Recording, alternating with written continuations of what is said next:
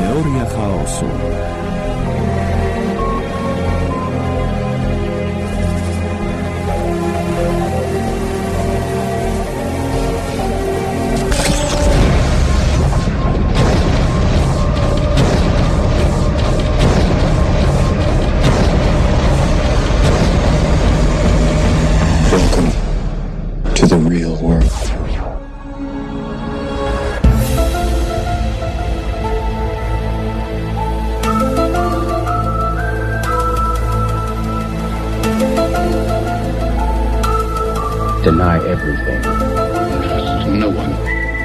Truth is out there.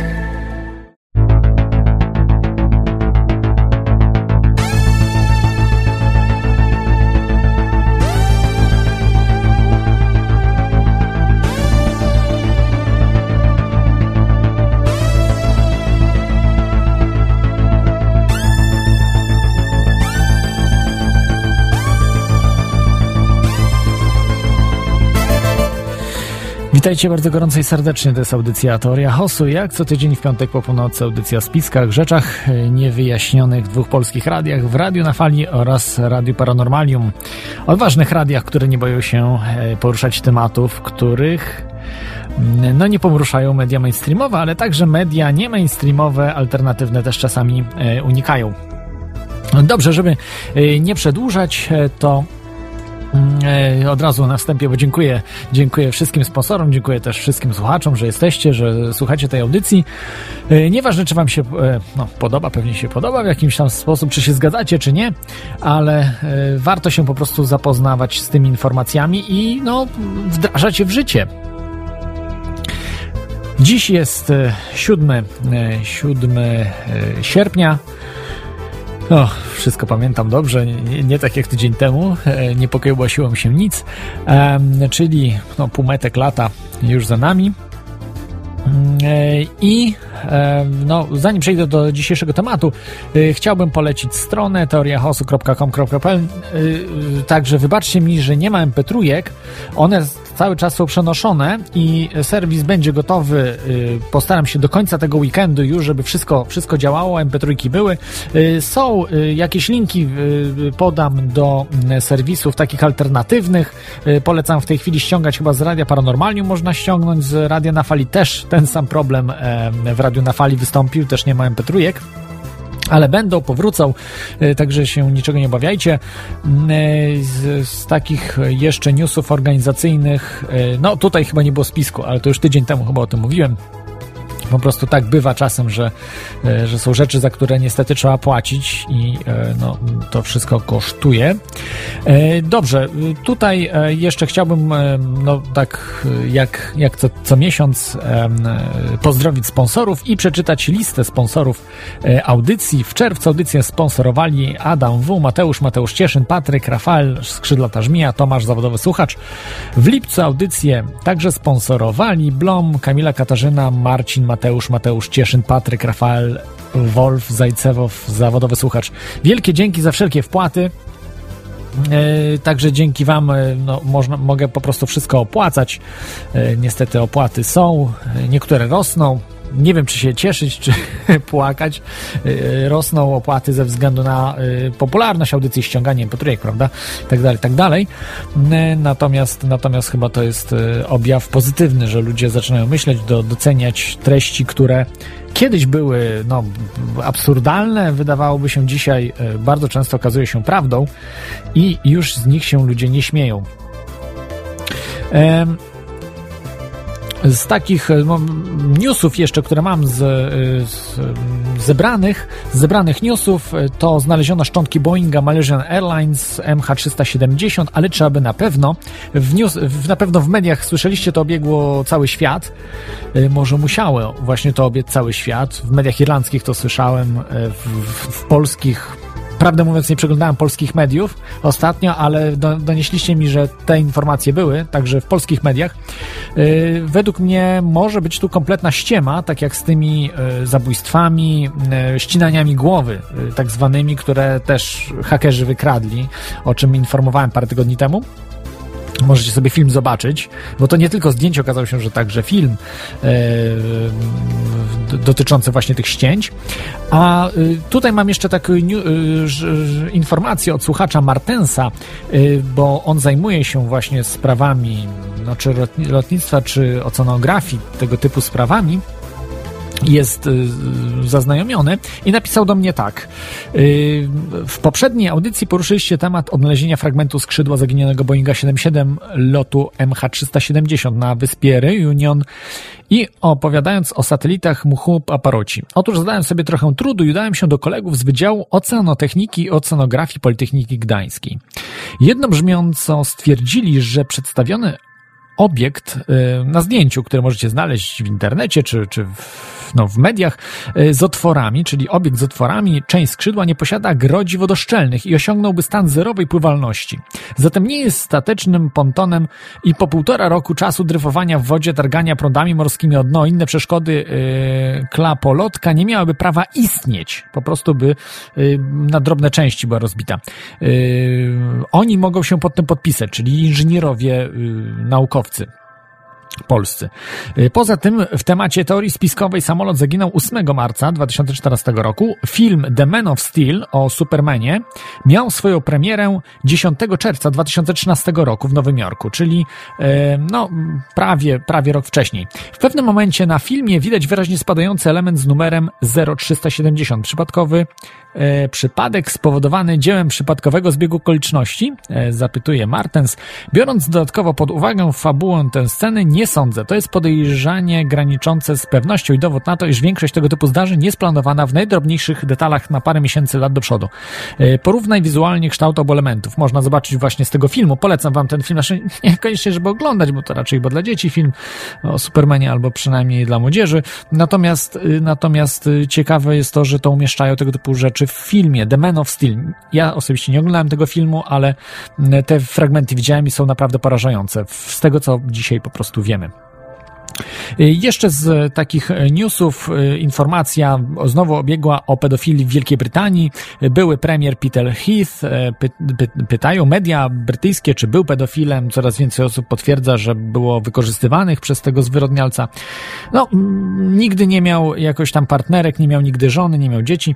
E, także pan Peter Heath, no, y, pasuje na obraz, powiedzmy, pedofila, czy osoby, która może mieć jakieś, y, powiedzmy, no, yy, dziwne inklinacje seksualne, ale to, to do tej sprawy jeszcze, tak jak mówiłem o pedofilii elit, jeszcze wrócę jedną audycję w tym temacie tylko zrobiłem, a czeka jeszcze nas wiele, wiele tych audycji, co najmniej dwie, trzy. E, i tam opowiem trochę więcej, mniej o Polsce będzie, bo ostatnio więcej było trochę o Polsce, Europie, więcej będzie o Europie i przede wszystkim Stanach Zjednoczonych, bo tam tego się po prostu pod dywan nie da zamieść. I także będzie sporo o Wielkiej e, Brytanii. E, jeszcze mam takie dwa newsy, no właściwie, właściwie dwa, trzy. E, odszkodowanie za nielegalną sterylizację, e, która była wykonana na panie, pani Violetcie Szwak, e, ze względu na to, że lekarka uznała, że ma już za dużo dzieci, jest no, umysłowo upośledzona, znaczy, no może nie upośledzona, tylko trochę zacofana umysłowo, według tam, nie wiem, lekarzy czy, czy, czy oznak, czyli ma ilość inteligencji poniżej przeciętnej i postanowiła ją wysterylizować. Lekarka grała po prostu Boga przy, przy porodzie po prostu zrobiła e, to. No, jak mówię, komuna wiecznie żywa, czy faszyzm wiecznie żywy, to zawsze w ludziach siedzi. Także na szczęście dostała odszkodowanie pani Violetta i lekarka dostała y, rok więzienia w zawiasach. No niestety w zawiasach, ale, ale dobre i to, że jednak jest jakaś sprawiedliwość, y, nawet, nawet w Polsce. Niejaki generał, generał Thomas, generał, przepraszam, Wesley Clark, przepraszam, generał Wesley Clark, znany generał amerykański, e, on też dowodził połączonymi siłami e, zbrojnymi NATO.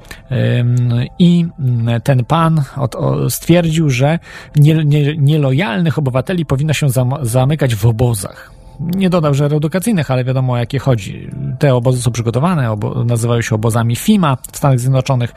Pan generał oczywiście jest związany z wojskiem amerykańskim, także wiadomo o co tym ludziom chodzi. No, to, są, to są globaliści, ludzie opętani, można powiedzieć, no i, i robią tego typu zupełnie niecne, niecne rzeczy. Także, także no. Ten news Gdzieś tam też w mediach wiem, że on się przemknął. W mediach oczywiście alternatywnych. E, porażające słowa, no ale my wiemy o co chodzi, także, także z tymi ludźmi trzeba po prostu walczyć do końca. No i ostatnia sprawa jeszcze taka mm, e, o gotówce też e, na portalu prisonplanet.pl polecam, jest informacja z, sprzed tygodnia o gotówce, która jest bardzo istotna. I też tutaj taki pojawiły się maile, wysyłaliście mi maile na temat skoków, że skoki, w tej chwili jest wielki atak medialny na skoki i jest zapytanie w mediach, że jest niebezpiecznie trzymać pieniądze w skokach. Absolutnie się z tym e, nie zgadzam. E, ja, no umówmy się, no nie mam dużych, dużych oszczędności, e, ale trzymam pieniądze zarówno w skokach polskich, jak i w skokach tak zwanych credit union, czyli kasach oszczędności w Irlandii tutaj i uważam je za najbardziej bezpieczne ze względu na to, że one nie mają gdzie uciec. To nie są, to nie są ludzie, którzy po prostu wypłacą wszystko, przeleją i nie będzie nic na kontach, tak jak miało miejsce to w Argentynie. To są, to są lokalne firmy, y, których właściciele po prostu razem zostaną z tym całym problemem. I zobaczcie, prześledźcie w Argentynie, co się działo. W skokach po prostu pieniądze zostały, w tych skokach argentyńskich. E, no, wiadomo, no, nie wszystkie, bo też one pobogrutowały, ale miały jako tako jakie, jakiekolwiek fundusze. E, natomiast banki absolutnie nie, nie pozostało z banków nic. Po prostu była kompletnie, kompletna ucieczka e, w, w Argentynie. Wystarczy zobaczyć po prostu to, co było. No, wiadomo, że mamy to samo dzisiaj i to samo możemy mieć, co było w Argentynie, w Polsce. I ta propaganda oczywiście działa po to, żeby ludzie wypłacali ze skoków i płacali do banków zagranicznych, a banki zagraniczne e, w tej chwili e, mogą stać pod e, no, groźbą bankructwa. I to jest właśnie dla, dlatego media są opłacane. No nie wierzcie mediom mainstreamowym. Ja nie rozumiem, dlaczego wy wierzycie mediom mainstreamowym, no i słuchacie takiej audycji jak ta. No to, to, jest, to jest sprzeczne ze sobą. Nie można pogodzić tego, co mówi się w mediach mainstreamowych yy, z wiedzą alternatywną, z wiedzą z mediów alternatywnych, z mediów niezależnych, tym bardziej właśnie mediów yy, o teoriach spiskowych.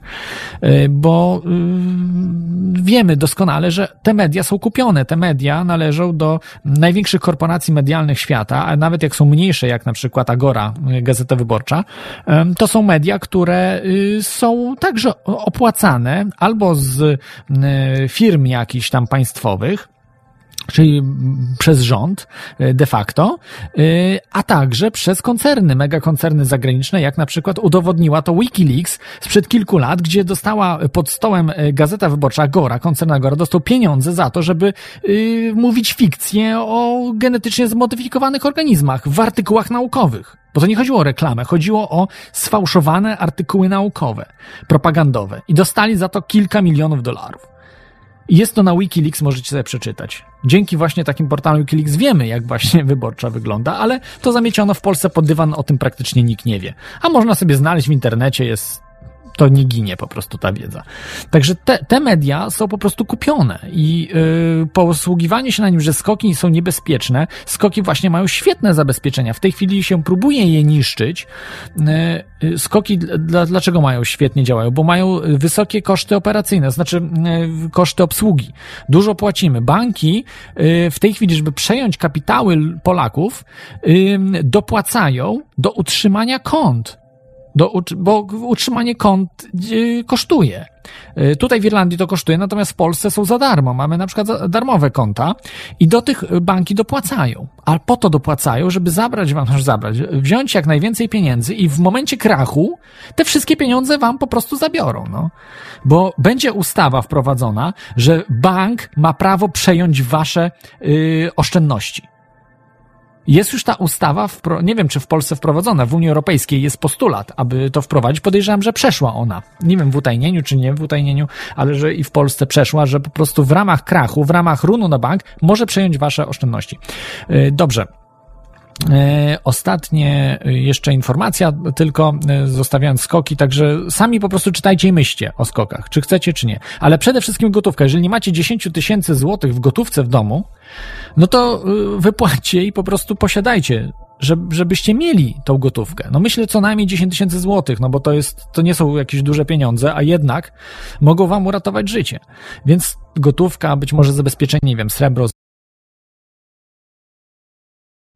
natomiast, no, chyba, że będzie hiperinflacja, tak? No ale to nie wiem, możecie franki szwajcarskie na przykład y, kupić, prawda? Wymienić złotówki na franki szwajcarskie na walutę, której nie dodrukują. Więc są takie waluty, których prawdopodobnie nie dodrukują. Ze złotówką nie ma tej gwarancji, ale, ale lepsza jest w ręku niż w banku, bo w banku może po prostu być run na banki, nasze run, no bankructwo, przy, ludzie pójdą i nie będzie, wszyscy zamkną banki, będzie jak w Argentynie. To jest prosta sprawa, no nie wiem, no to, to, to, to wszyscy powinniście o tym wiedzieć. To, to nie ma, to nie jest rocket science, to jest naprawdę prosta sprawa. Okej, okay, zostawmy te, te sprawy ekonomiczne, do nich wrócimy we, we wrześniu, albo jeszcze być może pod koniec sierpnia, bo y, no, we wrześniu będzie się wszystko tak zagęszczało i może być różnie. Y, tu jeszcze tylko takie sprostowanie o partii Razem. Nie ma nic wspólnego z Palikotem, oprócz programu, jeśli można y, tak powiedzieć. To dzięki y, słuchaczowi o pseudonimie Wulgarny. Dobrze, y, trochę przedłużyłem, także, także wybaczcie. Dzisiejszy temat zaczyna jak zwykle od cytatu. Wiedza to największy skarb, jakim możemy się dzielić. Y, to powiedział Tomasz Gruba, dzisiejszy gość. Tak nie będę znaczy szybko przedstawię, tylko y, Tomka, że jest organizatorem konwentu wiedzy alternatywnej, wcześniej konwentu świadomości fraktalnej. Witaj Tomku, jesteś z nami? Tak, witam Cię i witam drogich słuchaczy. E, super. E, czy, czy mógłbyś w kilku słowach o, o sobie e, opowiedzieć? Hej, jestem Słuchaczem. osobą, którą ciekawią różnego rodzaju alternatywne treści, promuję różnego rodzaju rzeczy, tworzę wydarzenia, robię to, co mnie ciekawi, inspiruję ludzi, lubię inspirować ludzi. No jest tego troszeczkę. Y, jasne. Y, organizujesz, prawda, konwent y, wiedzy alternatywnej, wcześniej konwent świadomości fraktalnej od 2012 roku, jeśli dobrze pamiętam. Tak, zgadza się, od marca 2012 roku. Wtedy wystartowaliśmy pierwszy raz z konwentem właśnie świadomości fraktalnej, jeszcze pod zupełnie inną nazwą. No i tak to się zaczęło toczyć jak kula śniegowa. E, jasne. E, także e, tutaj jeszcze tylko tak wtrącę przerwę, że możecie dzwonić do, do, do nas, zadawać także pytania. Telefon 33 482 72 32. Jeszcze raz, telefon 33 482 72 32 i skype torechaosu.com zadawać pytania Tomkowi. A dzisiaj porozmawiamy sobie właśnie o y, twojej imprezie, tym konwencie wiedzy alternatywnej, bo myślę, że to jest jedna z najważniejszych imprez y, o y, no, w Polsce. Y, no, chciałbym, chciałbym się powiedzieć na świecie, ale no tak buńczucznie może nie będę, nie będę mówił, czy, czy nie będę się tak podlizywał, natomiast w Polsce jak najbardziej. Myślę, że jest takich po prostu tylko kilka imprez, natomiast jedną z tych najważniejszych właśnie jest ta impreza, którą organizujesz. Może... Miło mi słyszeć, że, że w taki sposób to przedstawiasz. E, no, my po prostu robimy swoje i wiem, że na pewno jest potrzebna taka impreza i tego typu materiały, i, no ale sposób, w jaki to przedstawiłeś jest bardzo, bardzo ciekawy. Bardzo mi się spodobał. E, proszę bardzo, no po prostu mówię jak jest, jak, jak Mariusz Max Kolonko, e, ale, ale na, na serio po prostu jest, jest to impreza, e, w której możecie się dowiedzieć rzeczy, których mało tego, że nie dowiecie się w mediach mainstreamowych, chociaż to się chyba powoli troszkę, troszkę zmienia, natomiast nawet nie, nie można się o tym dowiedzieć bardzo często w mediach nie mainstreamowych, tego po prostu za dużo nie ma, to, to jest no, z, z tego, co e, pamiętam z tych, z tych wykładów, które, które można było w internecie znaleźć, prawda, Kubę Babickiego, który opowiada o takich sprawach, takich rzeczach, które są, no, można powiedzieć dzisiaj no, równo aktualne jak, jak setki lat temu i jak będą jeszcze aktualne, prawda, setki lat w przód. Oczywiście nie tylko, nie tylko o Kubę Babickiego chodzi, jeszcze, jeszcze opowiesz o, o innych gościach, e, którzy, którzy są naprawdę, mm, wszyscy z nich mają dużo ciekawych rzeczy do, do powiedzenia. A jeszcze mógłbyś po prostu powiedzieć tak że słuchaczom, żeby od razu już mogli sobie y, wyrobić zdanie, czy zobaczyć o y, właśnie o Twoich stronach, projektach, gdzie właśnie najlepiej znaleźć informacje o y, konwencie, bo on będzie, prawda, za, za tydzień. Tak, zostało już 6 dni. 14 sierpnia, więc jeśli chodzi o stronę konwentową, to na której znajdują się wszystkie informacje, to adres jest konwent.fraktalna.pl. Mamy też stronę na Facebooku, tak samo się nazywa Konwent Wiedzy Alternatywnej, wystarczy wpisać i można go znaleźć. I e, no, jeśli chodzi o osoby, o prelegentów, to jest tego dużo. E, no, mamy, mamy trzy dni w tym, w tym roku. Przedtem były zawsze, dwu, była to dwudniowa impreza, teraz się stało, to będzie pierwszy raz trzydniowa impreza, więc będzie myślę zupełnie inna jakość. E, dużo mamy gości, nawet ich nie, nie, nie zliczałem. Myślę, że coś koło 30. W ogóle na tych wszystkich imprezach się bardzo dużo różnych osób przewijało, różnych gości, różnych prowadzących, różnych warsztatowiczów, a także uczestników. Więc no myślę, że taki, e, taki energetyczne poruszenie będzie duże. Mhm. E, sam bym z chęcią się wybrał, tylko niestety wybranie się, e, można powiedzieć, z Irlandii do Polski w trakcie wakacji jest dwa, trzy razy droższe niż wybranie się na Wyspy Kanaryjskie.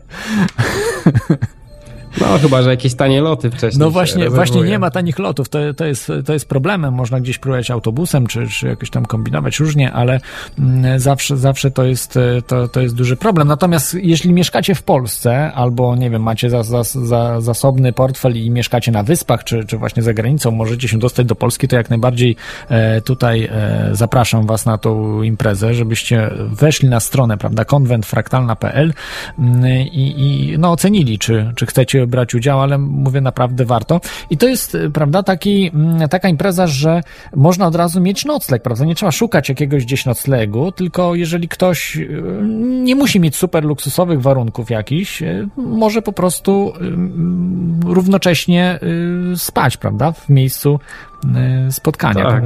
Tak, to, to jest idea właśnie konwentów i właśnie w takiej konwencji to miało właśnie powstać, żeby przede wszystkim integrować ludzi, więc mamy do dyspozycji szkoły, w szkole klasy, gdzie można rozłożyć karimatę i śpiwór. No trzeba mieć swoją karimatę i śpiwór, bo trudno jest zagwarantować dla 400 osób, e, czy nie wiem ile będzie w tym razem e, po prostu dla każdego przestrzeń, więc e, my kilka karimat swoich zawsze mamy, ale to jest tylko kilka, do, do wiadomo, że każdy przyniesie swoje, tym bardziej, że sprzęt do nocowania także może się przydać na przykład do koncertów relaksacyjnych, do jogi, do różnych warsztatów, e, gdzie będzie trzeba po prostu używać sobie albo siedzenia, albo, albo właśnie e, no, mieć matę po prostu, żeby z niej korzystać.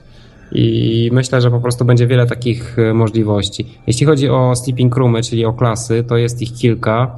To będą pomieszczenia, w których właśnie można nocować i można zostawić rzeczy. Oczywiście rzeczy zostawiamy tak, żeby były też pod jakąś opieką.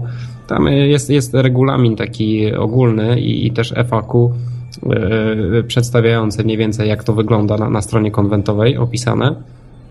Tak więc e, wszystko jest czytelne i można sobie z tym jakby się zaznajomić. Hmm, no tak to. Mhm. E, czyli e, będzie miało miejsce na, e, w, w, jeśli dobrze, dobrze pamiętam, w Sopocie czy Gdańsku? To jest Gdańsk, Gdańsk. to jest Gdańsk Oliwa, tak. Adres jest Polanki 124, szkoła OLPI, czyli ogólnokształcące liceum programów indywidualnych. Y, super. Y, tak, także, także, także polecam. A ja chciałbym y, porozmawiać z Tobą o omówieniu tych konwentów.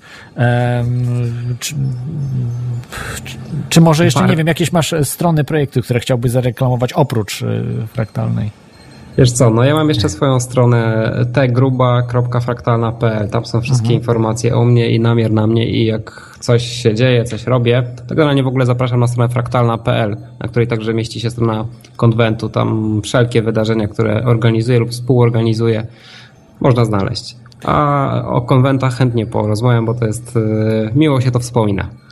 Jasne. Y, pierwsze takie pytanie, trochę, y, no nieładnie można powiedzieć, z, e, wyciągnięte z kapelusza, e, o zmianie nazwy y, na konwent wiedzy alternatywnej z konwentu świadomości fraktalnej. No, ta pierwsza nazwa była bardzo taka frapująca, zastanawiająca mocno, można powiedzieć mocno idąca do przodu. Natomiast, natomiast ta druga, która w tej chwili została, prawda, konwent wiedzy alternatywnej, jest taka bardziej już y, no, y, znośna dla przeciętnego zjadacza chleba. Y, czy, czy mógłbyś udzielić informacji, czym tak, to, tak, to jest taka trochę zabawna historia, bo po prostu stałem na ulicy z ulotkami z napisem Konwent Świadomości Fraktalnej 2 i osoby, które dostawały te ulotki pytały mnie, co to w ogóle, o co chodzi w tej nazwie i i każde słowo, czyli fraktal, świadomość, a potem konwent musiałem tłumaczyć. Zresztą do wniosku, że coś to jest grubo nie tak i raczej nie dotrę do, do większej ilości ludzi, więc y, no już w tamtym momencie miałem wgląd, że po prostu daleko poleciliśmy. Mieliśmy ideę właśnie konwent świadomości fraktalnej. Ładnie to brzmi i, i my wiemy, powiedzmy, że tak osoby, które się tym alternatywnym mm, streamem interesują, czyli wiedzą, co to są fraktale, interesują się rozwojem świadomości, to może złapią tą nazwę, no ale jeśli chcemy dotrzeć gdzieś dalej, to już musimy użyć jakiejś bardziej powszechnej nazwy. Tym bardziej, że ja lubię propagować wiedzę i różnego rodzaju treści w sposób taki, który dociera do jak największej ludzi, do jak największej rzeszy odbiorców, czyli takie te schodki są jakby najniższe, a konwent wiedzy alternatywnej, no to już troszeczkę łatwiej skumać o co mniej więcej chodzi. Chociaż powiem też, że ta, dla mnie ta nazwa też nie jest do końca precyzyjna, ponieważ tak jak już wspomniałeś, zapowiadając y, mnie tutaj z tym konwentem, że wiele tych treści nie jest alternatywnych, wiele treści y, w tej alternatywnym świecie też nie jest jakby do końca przedstawianych w taki sposób alternatywny, czyli to są takie rzeczy powiedzmy powszechne i to jest jakby taka bardzo szeroka metka, bardzo szeroka. No ale, ale nazwa się odnajduje i ludzie wiedzą o co chodzi tutaj. Mhm. To trochę szkoda, ale faktycznie z takiego marketingowego punktu widzenia, czy ogólnie po prostu e, no, y, działania, prawda, jest, jest y, no, bardzo dobra decyzja, bo y, faktycznie no, jest mm, no, jeszcze trochę lat brakuje, aby ludzie po prostu uzyskali jakąś świadomość swojego istnienia, e, że wszechświat, który ich otacza jest dużo bardziej szeroki niż im się w ogóle nawet wydaje. To już nauka przecież wie, prawda, o promieniowaniu elektromagnetycznym, że y, człowiek y, tylko bardzo wąskie spektrum promieniowania elektromagnetycznego widzi. Więc tylko to, co nawet już fizyka i nauka wie, że ludzie po prostu mało widzą, a jeszcze y, to, że jest przestrzeń, która nas otacza, jest pusta, prawda, praktycznie, że, że, że to jest taka iluzja trochę, prawda, że ściana jest powiedzmy twarda i tak dalej, i tak dalej, że to są tak, pole elektryczne, tak. których nie widzimy absolutnie, ale widzimy ich tam, powiedzmy, te kolory, te, te, te wąskie spektrum, spektrum bardzo. 0,05% światło widzialne, jeśli chodzi o mierzalne elektromagnetyczne e, promieniowanie przez więc, maszyny. Więc 99, tak? Przecinek 95 procenta No właśnie, tyle, tyle nie widzimy, jeśli chodzi o maszyny, ale to też jest e, skala tylko zauważalna przez sprzęt, który potrafi to zmierzyć, bo myślę, że to spektrum jest znacznie większe. Tak, jest... tak, tak. I, I to jest oczywiście bardzo dobra decyzja. Natomiast jak, jak oceniasz te pierwsze konwenty, jak, jak, czy, czy świadomość ludzi, czy zauważasz wśród ludzi, wśród uczestników nawet zmianę pewnoświadomości, że na przykład wcześniej wydawało im się te tematy, no, o, których, o których mówiliście, prawda, jak OBE, jak y, tematy psychodelików, czy też y, tematy tych roślin endogennych. Nie wiem, czy dobrze mówię, bo to są rzeczy. A, myślę, że tak, bardzo dobrze powiedziałeś. E, e, UFO też, prawda, bo też macie zakazana archeologia, mnóstwo, świętagometria przede wszystkim i te tematy, czy dzisiaj są one już bardziej e, takie, mm, że ludzie już są zaznajomieni z nimi w stosunku do tego, kiedy zaczynaliście 3 lata temu, w 2012 roku, czy jednak ci ludzie, którzy już przy, przychodzili wcześniej, no po prostu przychodzą już z pewną wiedzą? Wiesz, co ci powiem? I tak i nie. Wydaje mi się, że przychodzi za każdym razem grupa ludzi, która nie za bardzo wie, gdzie się właściwie pojawiła w tym momencie. I przychodzi też grupa ludzi, która coraz więcej wie, a także jest grupa ludzi, która już totalnie mm, nie wiadomo po co tam jest, jeśli chodzi o informacje. I chyba przychodzą tylko po to, żeby się integrować i zobaczyć siebie nawzajem, bo równie dobrze by mogli streścić to wszystko, nie wiem, w jakiejś książce, bo dużo osób takich ostatnio zacząłem spotykać, które po prostu są jakby już przesycone, nasycone tymi informacjami i już nie chodzi im o teorię, tylko o praktyczne po prostu jakby urzeczywistnianie tego, budowanie już jakichś konstruktów i nawet budują te konstrukty różnego rodzaju. Na przykład miałem ostatnio takie doświadczenie, gdzie spotkałem osobę, która buduje cewki Rodina i spotyka inną osobę, która też się tym zajmuje i tam rozmowa polega na tym, że wymieniają jakie częstotliwości, jakie proporcje mają mniej więcej być stworzone w kolejnej wersji cewki Rodina, żeby to w końcu ruszyło.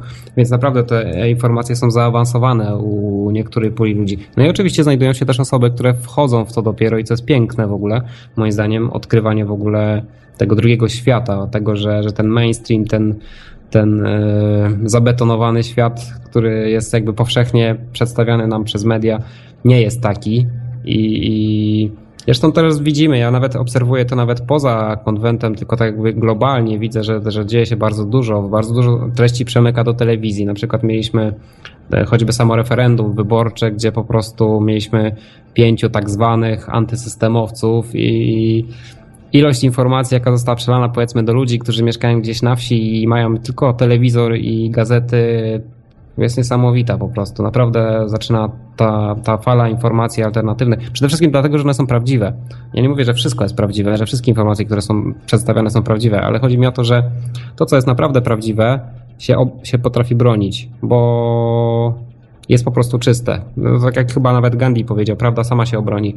I te rzeczy nie muszą być już jakby powtarzane, nie muszą być jakby z innej strony jeszcze spoglądane, tylko po prostu widzisz, że niektóre rzeczy są oczywiste. Dlatego są oczywiste, bo są praktyczne, bo działają, bo coś po prostu zaczyna działać. Zaczynam na przykład inaczej się odżywiać i, i widzę, że to na mnie wpływa. To jest taki przykład, tylko jeden z miliona. Mhm. Yy, tak, tak, to, to, są, to są bardzo yy, ciekawe sprawy. Właśnie yy, ciekawe to też, jak mówiłeś o tych osobach, które przypadkiem się znalazły, że, że to też jest takie trochę, trochę dziwne, yy, czyli kompletnie, które myślały, że będzie coś innego, tak? No wiesz, no w sumie to nie wiem, co tam w głowie u kogo siedzi, ale myślę, że nawet te osoby, które się przypadkowo pojawiają, myślę, że nie do końca to jest przypadkowe. Być może coś ich zainteresowało, być może ktoś ich zaciekawił. Jakoś, e, wiesz, no, odpowiedziały na jakieś wołanie. Więc wydaje mi się, że takiego do końca przypadku nie ma. I znam osoby, które na przykład pojawiły się na konwencie i za bardzo nie, nie były w tym temacie, a teraz są dość mocno w tym temacie. Więc myślę, że no ludzie szukają, ludzie szukają przez całe życie moim zdaniem różnego rodzaju rzeczy. Można się zawiesić oczywiście w mainstreamie i po prostu żyć w taki sposób, jak się żyje. Jest, jest taka statystyka, nie wiem kto to prowadzi w ogóle, że 15 osób e, w społeczeństwie podnosi jakby swoje kompetencje, jakby próbuje się rozwijać, a 85% stoi w, w stagnacji, co nie jest jakąś taką fajną statystyką. Mam nadzieję, że one są mylne i mam nadzieję, że jest inaczej i że ludzie naprawdę ruszają teraz tyłki i biorą się za siebie. Mhm. No, obawiam się, że, że może to być niestety ta statystyka prawdziwa. Ja uważam, że jeżeli nawet 15% y, osób interesowało się tego typu zjawiskami, E, o których, o których mówicie w, w, na spotkaniach właśnie konwentu wiedzy alternatywnej, e, to, to byłoby dobrze. Natomiast myślę, że jeszcze dopiero z tych 15% ludzi, którzy faktycznie gdzieś tam się rozwijają, jakichś nowych rzeczy się uczą, nie, nie w sensie jak lepiej pracować, tak, bo to, to są bzdury, jak lepiej śrubkę przykręcać, bo to, naprawdę do, do niczego nie jest potrzebne. To można się nauczyć tego w kilka minut, e, w, przynajmniej w godzinę. Natomiast o rzeczach, które zmienią po prostu ten świat, to, to takich ludzi jest znacznie, znacznie mniej. I no, obawiam się, że tu może być nawet mniej niż 5%, mniej niż nawet kilka procent, obawiam się, że może nawet mniej niż 1%, e, bo wiesz, jakby było ich dużo, to tak naprawdę impreza, którą organizujesz, byłaby super popularna i nie, mia, nie, nie przychodziłoby, nie wiem ile tam osób przychodzi, ale przychodziłoby 10 czy 100 razy tyle osób przyjeżdżało. No wystarczy zobaczyć na jakieś festiwale, prawda? Jurek Owsiak organizuje E, festiwal e, no, e, Woodstock, tak, gdzie, gdzie w tej chwili już nawet sami Woodstockowicze zauważają, że tam jest fałsz i fikcja, bo po prostu mówią o czymś innym, a nawet nazwy używają innej, jeśli chodzi mhm. o, o, środki używki różne, walczą z używkami, gdzie na Woodstocku walczono bardziej z alkoholem, z tymi używkami, które otępiają ludzi walczono, tak, a, tak, a nie tak. właśnie z tymi używkami, które otwierają umysły i Jurek Owsiak na przykład nie, nie walczy z alkoholem, wręcz przeciwnie. I na takim Woodstocku przyjeżdża, nie wiem, 500-400 tysięcy osób młodych e, i myślę, że no nie tylko po to, żeby muzyki posłuchać, być może też, natomiast, natomiast chyba przede wszystkim też chodzi tym ludziom o spotkanie i no życzyłbym ci oczywiście, y, no nie wiem czy takiego wyniku 500 tysięcy osób, żeby takie spotkanie organizować, bo to już Szczerze mówiąc przerażające tak naprawdę ogarnąć e, tyle ludzi. Ale no, no dziesiątki tysięcy czy tysiące osób, prawda, to myślę, że, że jak najbardziej należałoby życzyć. Jakiś już bardziej prawda, otwarty. Dziękuję bardzo. Ale zorganizować to jest wyczyn, prawda? Taki, y, Że tak. No, no, wiesz, jak to było z oryginalnym Woodstockiem 69, że no te pół miliona ludzi, które się tam zjawiło, sprawiło, że, że na tej imprezie nikt nie zarobił. Tam... E musiało być e, zdjęte bramki. Ludzie za darmo wchodzili na Woodstock i, i oryginalny. No i tak jak mówisz właśnie, oryginalny Woodstock był prawdziwą legendą, był, był czymś, był jakby kulminacją totalną. fali hipisów, gdzie po prostu ta energia naprawdę tam mocno podskoczyła i naprawdę dużo niesamowitych rzeczy się tam zadziało. A ten Woodstock, który mamy tutaj jest, e, nie jest Woodstockiem po pierwsze, jest tylko z nazwy Woodstockiem, to jest zupełnie coś innego. Tak, nie, nie właśnie y, odchodzono od polityki w przeciwieństwie do tego przystanku Woodstock y, Owsiaka, gdzie, gdzie ta polityka jest promowana, te autorytety promowane, wręcz przeciwnie. Tam, tam było promowane myślenie, prawda, że każdy z nas powinien myśleć i dobierać sobie takie autorytety, które uważa za słuszne, a nie narzucanie ze sceny, prawda, jakichś autorytetów i tak dalej. I to, to, było, to było po prostu y, piękne. Niestety to troszeczkę mm, obróciło się, prawda, bo ci wychowankowie Woodstocku dzisiaj rządzą, no i widzimy, że ten świat jest nawet, y, nie wiem, nie wiem czy gorszy, to tak trudno trochę opowiedzieć, ale, ale na pewno nie jest lepszy. No i to, to trochę jest przykre, prawda, że ta, mm, to pokolenie y, hipisów, no wpadło w ten sam, w, w, w, tą, sam, w tą samą hipokryzję, które wpadały wcześniejsze pokolenia i no jakoś mhm. na no, plus nie, wiesz, nie, nie idzie nic z hipisami to trochę było tak, bo dzisiaj hipis brzmi trochę pejoratywnie, tak, że jest to jakaś, jakiś koleś, który e, wcinał dużo dragów, był brudny i chodził kolorowo, miał długie włosy. A prawda jest taka, że hipisi naprawdę dużo dobrego zrobili w świecie, o czym się nie mówi. Mówię, są, jest dużo wypukiwanych takich treści pejoratywnych. Na hipisów była niezła zasadzka zrobiona w postaci heroiny, która była stworzona w, e, przez koncerny farmaceutyczne i puszczona na ulicę. I fala się cofnęła dlatego, że zaczęto właśnie mieszać różnego rodzaju dziwne narkotyki na ulicę wpuszczać.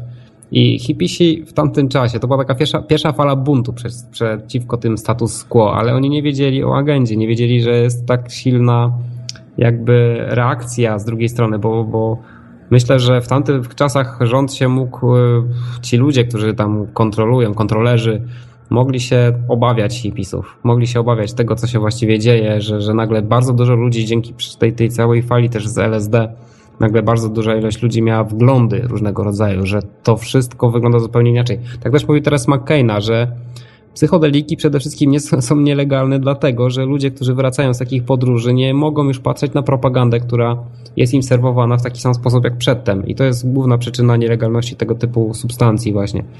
No a, a widzimy, że po prostu nielegalność różnych substancji dosz, doszła do poziomu fobii, takiej, że nie są one używane. Przynajmniej teraz to jest jakby now, znowu renesans, to się ruszyło przy mocnej fali jakby y, pracy u podstaw, ale psychodeliki nie były badane przez 30 czy 40 lat, nie były stosowane w terapiach z, z dziećmi na przykład autystycznymi, z różnymi rodzajami, z różnego rodzaju problemami u ludzi.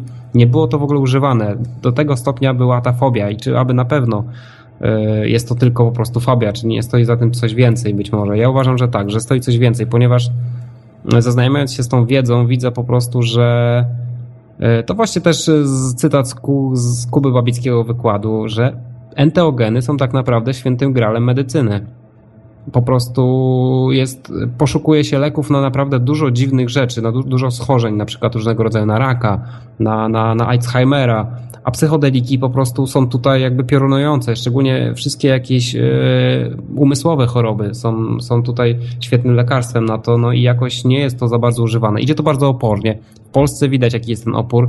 W Polsce kilka osób jest za kratami za posiadanie marihuany. Leczenie e, dzieci w Warszawie była ta cała sytuacja, ta cała nagonka, że dziewięcioro dzieci w Polsce jest leczonych.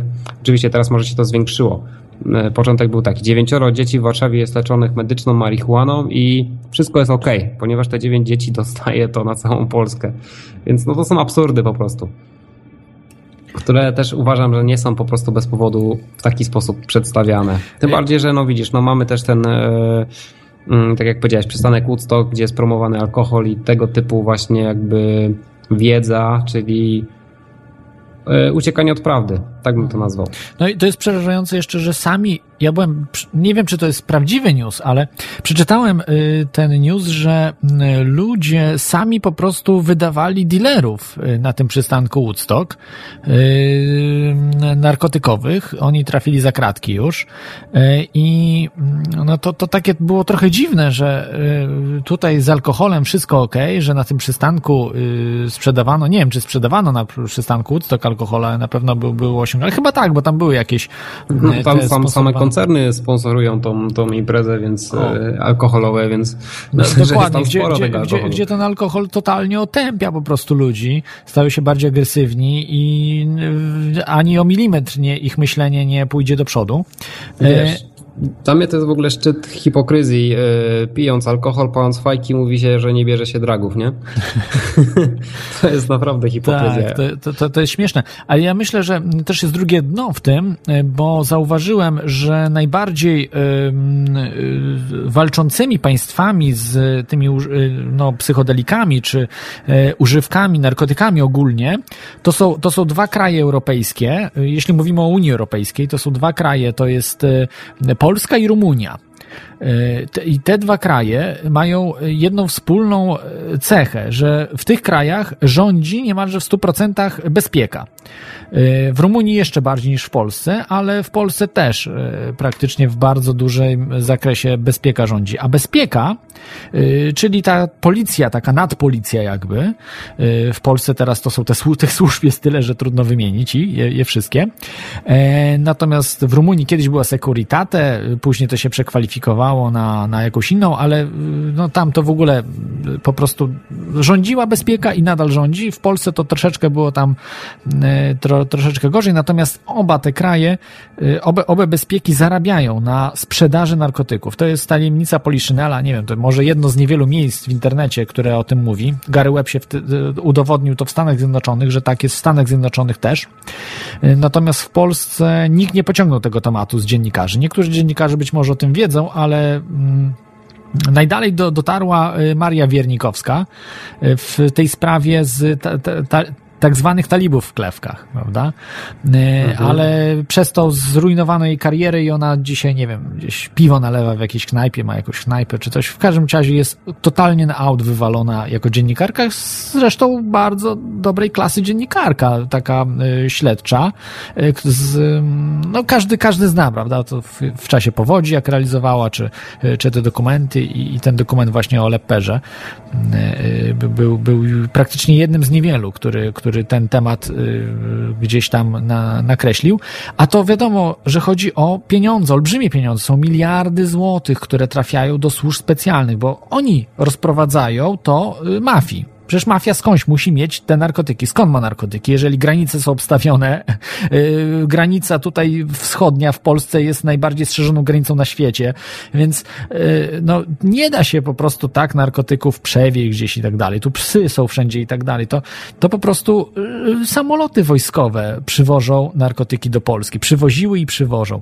Yy, tajemnica Poliszynela, to się po prostu, biznes się kręci, kasa się zgadza, o tym nikt nigdy nie powie, bo yy, też politycy są opłacani. Także tu mamy takie z dwóch stron po prostu atak. Z jednej strony te służby specjalne zarabiają, a z drugiej po prostu boją się tego, że jeżeli yy, stanie się to dostępne, yy, to ludzie mogą też po prostu obudzić swój, swój potencjał yy, umysłu i, i mogą po prostu ten system obalić dużo szybciej. No przede wszystkim widzieć propagandę, nie? No nawet na konwencie będzie wykład właśnie o, o enteogenach i przede wszystkim chcę używać tej nazwy enteogeny, niekoniecznie psychodeliki, mhm. ponieważ tak jak na przykład też są różnego rodzaju właśnie rzeczy w obiegu, jest dużo, e, jest, jest, są różne kategorie tych wszystkich rzeczy, przede wszystkim w ogóle chemiczne substancje, to jest coś, co jest e, jakby stworzone przez człowieka, nie do końca przebadane ktoś, kto jest bardziej jakby, natura jest czymś, co bardziej jakby nas wspierało od zawsze. Jeśli chodzi na przykład o jedzenie, spójrzmy na przykład na to, co na przykład dostajemy w sklepach,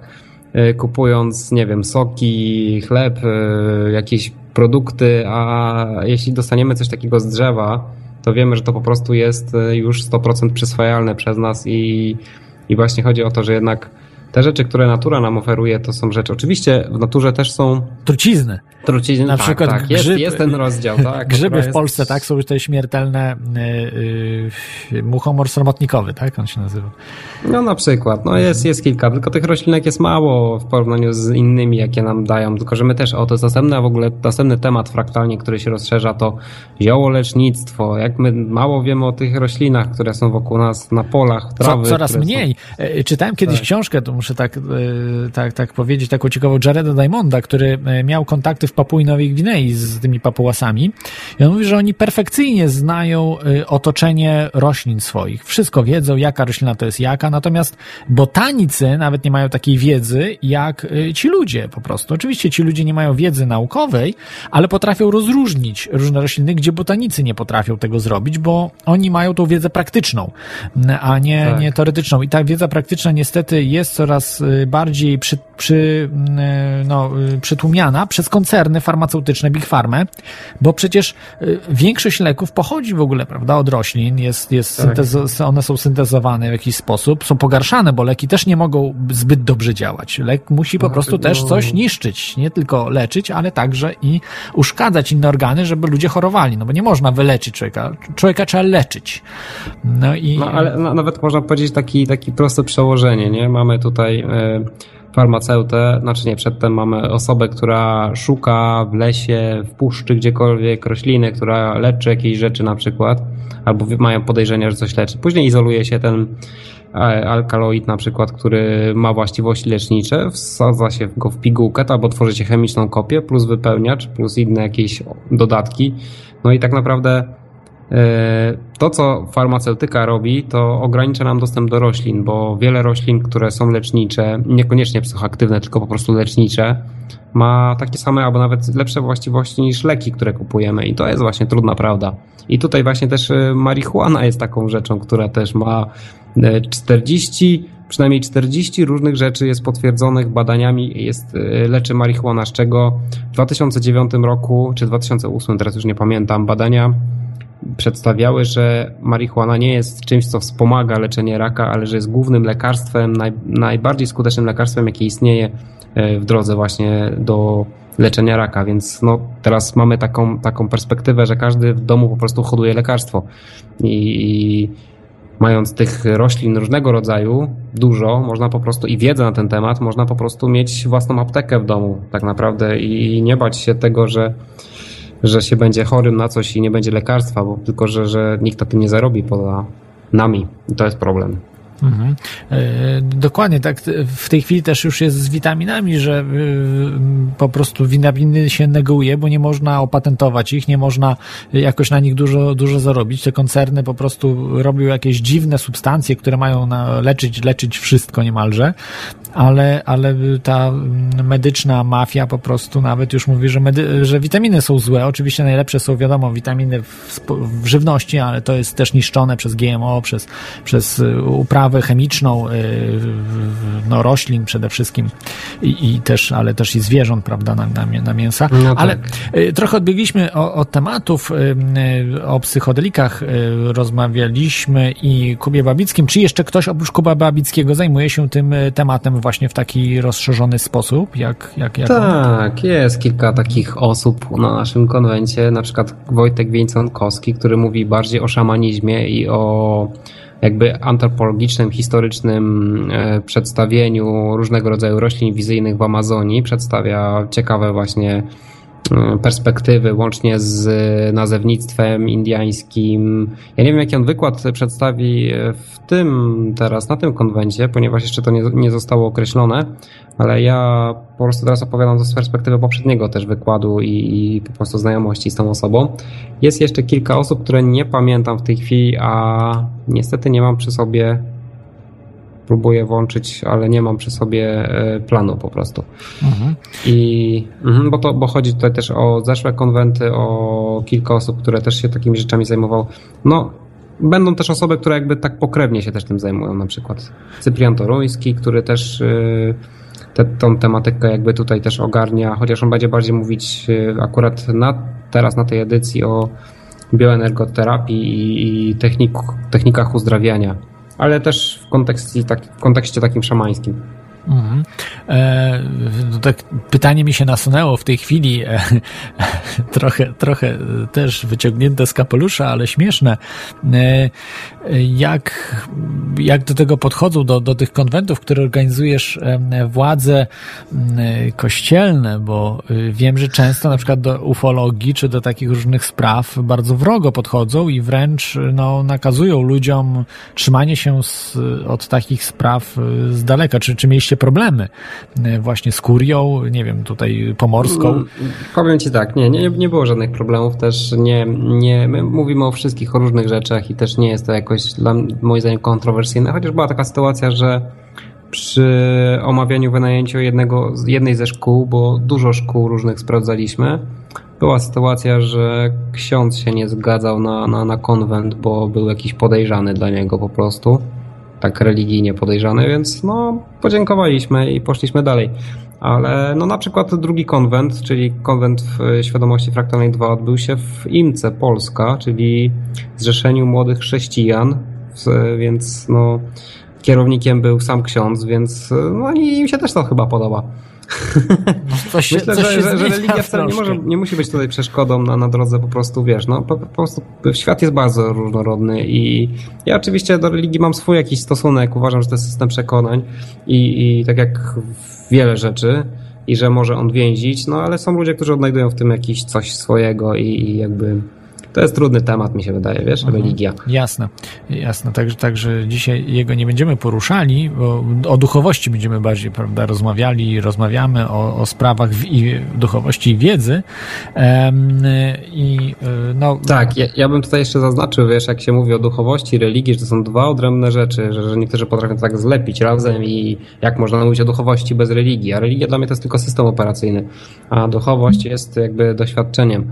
I no, tak chciałem napomnieć mhm. tutaj. E, dokład, dokładnie tak, bo e, no, religie bardzo często też niszczą duchowość, bo e, duchowość wymaga dowiadywania się no, o nowych sprawach, po prostu otwieranie się na innych ludzi, a religia bardzo często zamyka się na innych ludzi, prawda? Że, że tak. y, można powiedzieć, że stawia nas afrontem do, do różnych osób, do różnych grup i, i no, żebyśmy sobie byli nawzajem wrodzy, prawda? Bardzo często. Czyli jednak o religiach. No, to jest tak. Celnictwo świata duchowego, tak mówią Indianie. Czyli człowiek e, zachodu bardzo dużo mówi o, o duchu, ale nigdy go nie doświadczył. A tak samo mówią ludzie na przykład z Nepalu, czy, czy właśnie wschodu, że, że na przykład nie medytujemy, a jednocześnie chcemy, mamy na, na nabudowanych mnóstwo teorii na temat tego, jak to jest, jak ten nasz umysł działa, kim my właściwie jesteśmy. A, no, a, a jeśli chodzi właśnie o Indian, no to przecież mają substancje wizyjne różnego rodzaju, kontaktują się z, z tymi właśnie nielokalnymi różnego rodzaju światami, różnymi betami. Ja nie mówię od razu, że kontaktują się z tymi właściwymi albo niewłaściwymi. Chodzi mi o to po prostu, że mają trochę szerszą perspektywę, mniej więcej w, w czym pływamy, co, co się właściwie wokół nas dzieje, czym jest otoczona ta przestrzeń fizyczna, którą tutaj jakby, w której zasiadujemy za życia. Mhm. To przypomina mi trochę taką sytuację właśnie e, osoby, e, takie tak jak mówiłeś, prawda, w Nepalu czy Indianie, e, którzy mówią, że, że biały człowiek, czy no biały, no kultury. Gringo. Gringo, czyli kultury europejskiej powiedzmy, tak, tak, to się, tak, tak to się określa, po prostu mówi dużo, prawda, o duchowości, ale nie, nie praktykuje tego. I e, to przypomina mi osobę, która cały czas chce być szczęśliwa, poszukuje szczęścia, ma całą bibliotekę, całą wielką, nie wiem, tysiące książek dotyczących jak być szczęśliwym, jak realizować siebie i tak dalej, tak dalej, ale jest cały czas nieszczęśliwa, bo szczęścia nie można odnaleźć, y, powiedzmy, czytając o szczęściu w książce. No, po prostu trzeba to odnaleźć w sobie i, i ktoś, kto tego nie, nie rozumie, nigdy tego nie osiągnie, prawda? I y, myślę, że to e, tak, tak, tak, to jest tak. takie sedno, no właśnie, taki e, nawet widziałem na Facebooku kiedyś taki właśnie rysunek, właśnie to, co przedstawiłeś. Chcę być szczęśliwy. Podchodzi do niego taki medytujący koleś i mówi, no tylko musimy usunąć z tego napisu chcę być i zostaje tylko szczęśliwy. Jest, nie? Tu i teraz, w tym momencie. Chcesz być szczęśliwy, bądź w tym momencie tym właśnie. Mhm. E, tak.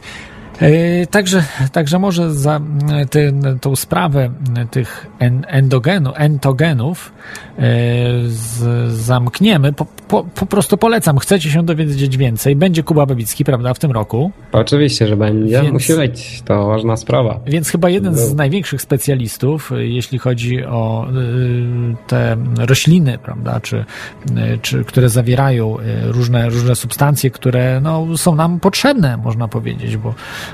Tak, tak. No właśnie i teraz tak mi się przypomniało jeszcze, że jest też Izabela Kopaniszyn, ale niestety nie będzie jej na tej edycji, też u nas, także, także szeroko przedstawiała tę tematykę. Mhm. E, więc, więc będziecie mogli się dowiedzieć e, o tej sprawie. A chciałbym teraz przejść tak do y, świętej geometrii. E, która, która no, można powiedzieć w każdym chyba, prawda, w każdym e, wydaniu, w, w każdym konwencie e, e, przez, przez ciebie, czy przez was organizowanym, no ma, można powiedzieć, jedno z najważniejszych miejsc.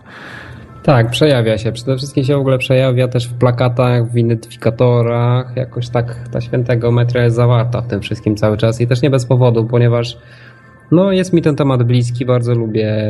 Myślę, że w ogóle to jest bardzo ważna gałąź nauki, która istnieje, święta geometria i mało jest powszechna, a jednocześnie bardzo dobrze znana na przykład w świecie elitarnym.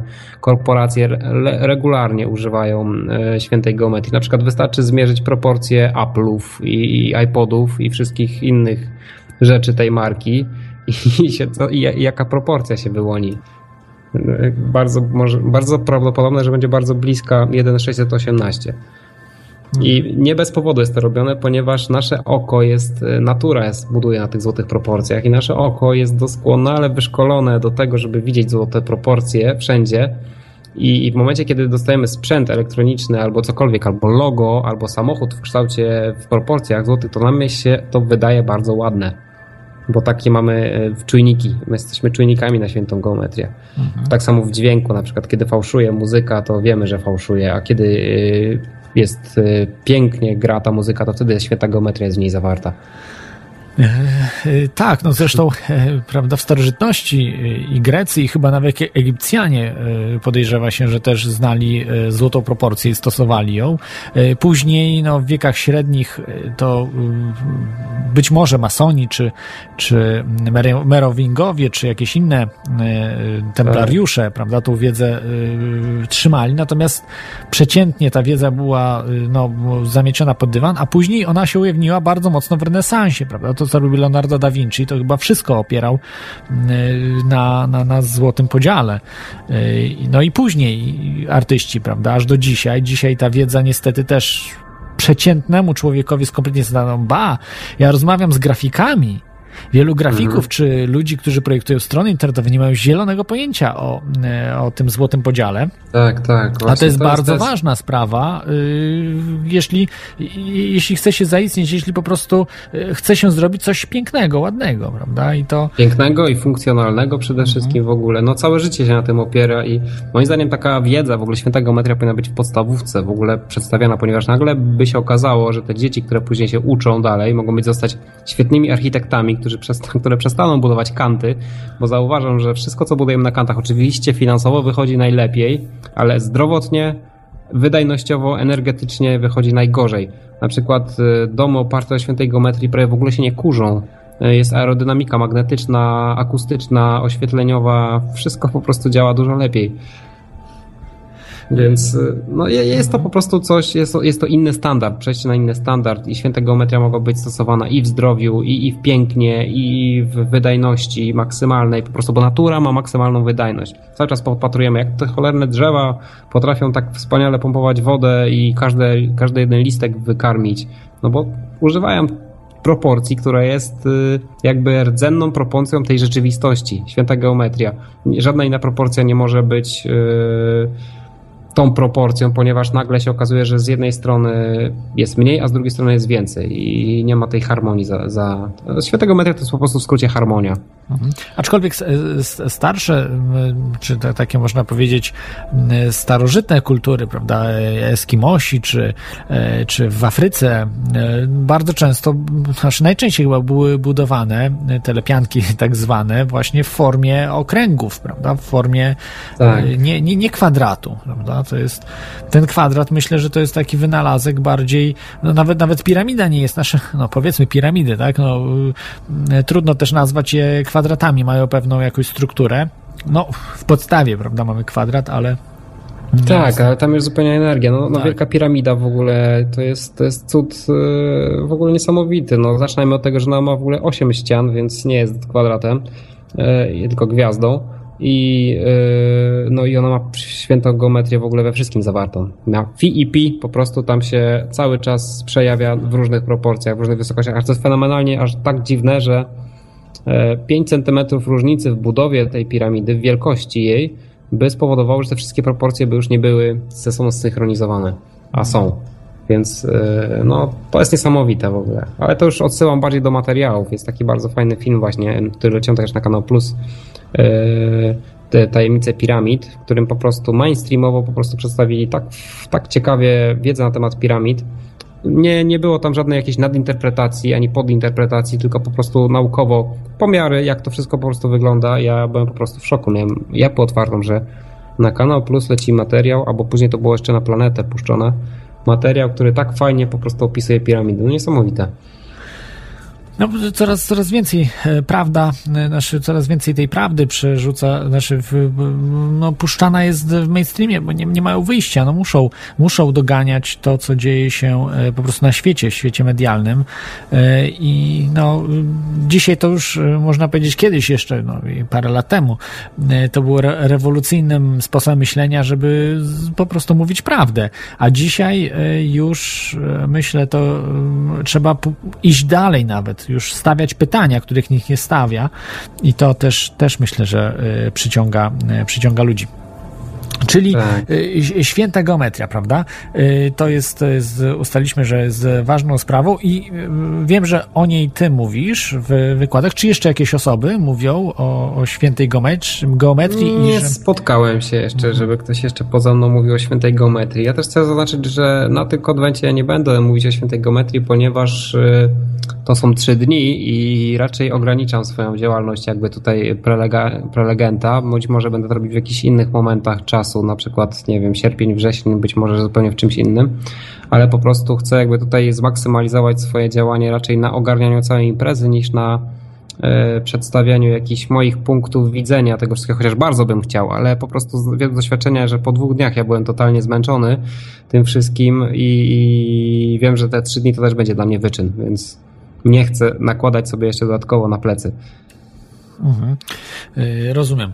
Y, także odsyłam, bo są wykłady w internecie, które twoje, tak. gdzie można zobaczyć, prawda, o świętej geometrii, wytłumaczenia, prawda, o co chodzi, co to jest, tak, tak, gdzie tak, się właśnie. tego używa, że, że właśnie została przejęta, prawda, te pentagramy wszystkie o, satanistyczne niby tak. i tak dalej. Ja bardzo często z, z tym się w 100% zgadzam, że bardzo często religia sama używając tego typu symboli zakazuje zakazywała używania mm, zwykłym ludziom i unikania ich, bo y, ta wiedza to jest po prostu klucz do e, bycia no, panem, panem ziemi, tak? E, tak jak kiedyś e, kapłani, to znany przykład, każdy to o tym mówi, kapłani egipscy, którzy mieli wiedzę o zaćmieniach słońca, o astronomii, potrafili przewidywać różne rzeczy, których lud kompletnie, o których nie miał pojęcia. Musiał, no, po prostu widział, widział efekty tych kapłanów, chociaż to nie były efekty, tylko po prostu przewidywania ich. Więc e, trzymano w ciemnocie lud i dzisiaj jest to no samo, tak. tylko na innych zupełnie płaszczyznach, prawda? Święta Geometria jest jedną z ważniejszych właśnie tych działek, która y, jest y, no, utrzymywana w tajemnicy nadal. No nie, nie jest jakby powszechnie stosowana. No, no ciemnogród, im, im ludzie są głupsi, tym łatwiej się im kontroluje też alkohol, też dlatego jest ten na przykład tak. legalny. Ale w szkole nigdy, nigdy nie mówią o tym, prawda? O świętej geometrii tak. nigdy nie dowiecie się e, w szkole, ba, nawet w szkole wyższej nie dowiecie się o świętej geometrii. Nie, nie, nie, nie, nie, nie spotkałem się w ogóle, żeby były jakieś działy, jakiś w ogóle wydział, chociaż można naprawdę zrobić z tego niesamowite, niesamowity dział nauki, bo święta geometria jest gigantyczne książki są na temat świętej geometrii, grube, tomowe, po angielsku oczywiście, bo w Polsce chyba tylko trzy książki są no powiązana jest geometrii. z, frakt z fraktalami y, święta geometria, bo...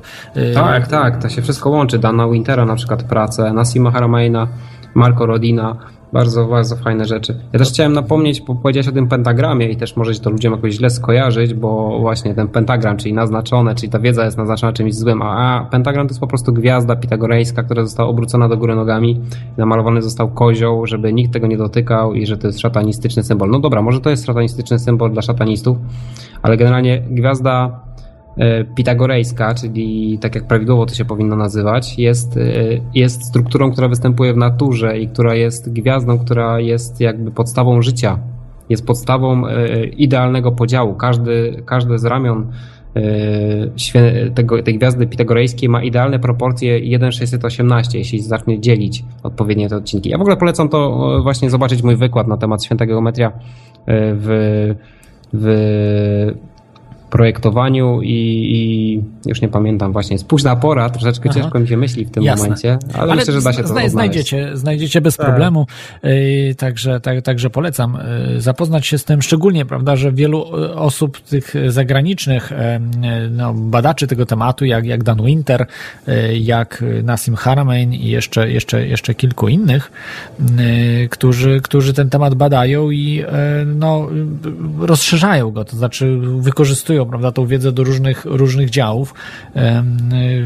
Wydawałoby się, prawda, zupełnie, zupełnie odległych, a jednak, e, jednak to po prostu gdzieś, gdzieś, gdzieś funkcjonuje. Tak, ja, tak. ja myślę, że nawet dalej można pójść tam z tymi liczbami pierwszymi, gdzieś być może to jest też zazębione, ale to już to wyższa matematyka, której, e, która, matematyka. której w ogóle jeszcze, jeszcze nie ma, tak? Bo, bo to nie jest tak, że matematyka już jest skończona, że już wszystko wiemy, tylko wręcz przeciwnie, że, że coraz więcej nie wiemy i różnych rzeczy trzeba, znaczy nie, inaczej, coraz więcej wiemy, ale coraz więcej mamy pytań na różne, różne sprawy. Wiesz, to, to... w ogóle, co mnie w tym wszystkim ciekawi? E, na przykład jak się zobaczy wykłady Marco Rodina, e, w jaki sposób oni używali na przykład piktogramów do budowy właśnie cewek e, opartych o świętą geometrię, że, że tak naprawdę wiele elementów świętej geometrii jest znanych na, na Ziemi, ale także na przykład eklibryktyka wektorowa, czyli figura, która jest w idealnej równowadze, to są rzeczy, które zostały jakby zainspirowane przez ten crop circle, nie? W ogóle to jest niesamowite, że, że w ogóle w kręgach zbożowych jest bardzo dużo świętej geometrii, bardzo dużo. Nie we wszystkich, bo wiadomo, że też są. Że, że niektóre są e, robione wi, wi, wyraźnie robione ręką ludzką, e, hmm. natomiast, natomiast część jest naprawdę zadziwiająca i wydaje się, że tam, w tych, w tych kręgach może być, jeżeli są faktycznie przez jakieś wyższe inteligencje one tworzone, a sądzę, że tak, że część z tych kręgów jest tworzona przez wyższą inteligencję, nie wiem, czy kosmitów, czy, czy, czy po prostu jakąś inteligencję, która gdzieś tam tworzy, nie wiem, z piątego wymiaru e, i i tam naprawdę może być zawarta matematyka, która dopiero zostanie odkryta. Y, że, że, że te, te geometryczne figury reprezentują różne funkcje, różne, różne działy matematyki, które dopiero przyjdą y, do nam do odkrycia. No. I, Właśnie. I to widać, one są po prostu ładne, są piękne. Widać, że, że tam jest y, matematyka w tym y, zawarta. Tak, jak się zacznie rozszyfrowywać, to się okazuje, że jesteśmy totalnie czegoś uczeni, że jest pokazywany nam jakiś mechanizm w ogóle. Tym bardziej, że cewki Rodina są najbardziej wydajnymi cewkami, jakie istnieją i to są jedyne cewki, które się nie grzeją, które mają zawartą w sobie e, E, aerodynamikę elektromagnetyczną, czego w ogóle jakoś wcześniej ludzie nie uwzględniali, budując różne elektroniczne urządzenia i po prostu powstawało gigantyczne tarcie. Cewka rodzina się w ogóle nie grzeje. To jest w ogóle ciekawy fenomen. Święta geometria pozwala na to, żeby prąd, nawet jeśli są tarcia w kablu, płynął tak, że, i, że się po prostu cewka nie grzeje, mimo że zwoje są totalnie polarnie obok siebie nawinięte i to powinno po prostu gigantyczne po prostu straty energetyczne generować, a nie robi tego. No tak, i, i to y, powiązane jest, prawda, też z tematyką y, free energy, ale te cewki Rodina, one chyba nie wytwarzają energii, prawda, tylko... Y... One, one są bardzo, one robią bardzo dziwne rzeczy w ogóle, te mhm. cewki Rodina. Po pierwsze to, że na przykład jak wsadzisz do cewki do środka kulkę, to ona zacznie się wirować, one robią wiry magnetyczne, one robią gigantyczną implozję magnetyczną i e, potrafią na przykład unosić się między sobą takie cewki. E, kiedy wsadzi właśnie taką kulkę, proporcje, wykresy e, prądu w ogóle się zmieniają. Zresztą to są najbardziej wydajne cewki, jakie istnieją i nawet HP firma zainteresowała się tymi cewkami, że, że zaczęli, na razie nie robią aerodynamicznych cewek, ale zaczęli robić cewki okrągłe, i nawijać w zupełnie inny sposób kabel, e, druty i się okazało, że mogą używać 20% miedzi mniej przy takim nawijaniu.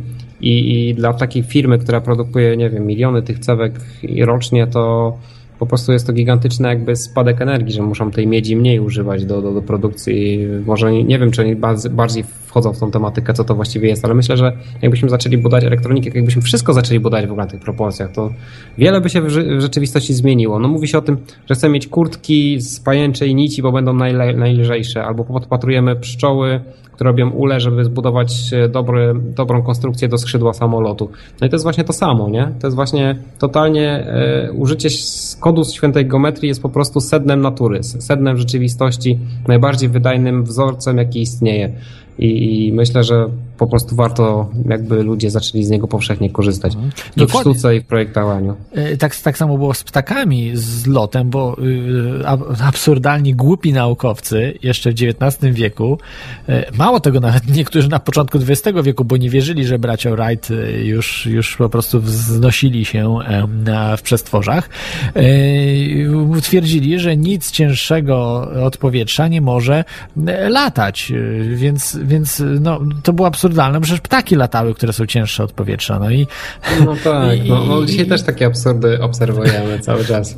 dokładnie. I to, to jest, y, jak zaobserwowano ptaki, pamiętam y, kiedyś program Sonda, to był rewelacyjny program, ale nie dziwię tak. się, że go zlikwidowano no, z, z wypadku z ani że nikt nie kontynuował, nie było kontynuowania, nie wiem, telewizji edukacyjnej czy tych programów, bo one zbyt otwierały ludziom umysły. To był program tak popularny, że praktycznie od robotnika po, yy, poprzez jakiegoś księgowego aż do y, dyrektora banku yy, wszyscy oglądali. Nie mówiąc już o fizykach, Tak, czy matematykach, yy, czy naukowcach, inżynierach, wszyscy oglądali ten program w latach 80., 70., bo był fenomenalnie po prostu realizowany. W Polsce oczywiście nie było za wiele takich, tego typu programów, nie było materiałów, oni z zachodu też materiały puszczali, ale mówili o rzeczach aktualnych dzisiaj. Mówili o locie właśnie, jak ptaki, jak na przykład ptak hamuje, jak ląduje y, ptak, że kamerą, którą można sobie, prawda, zwolnić ten lot ptaka, widać jak po prostu skopiowaliśmy to. W samolotach to wszystko jest skopiowane z przyrody.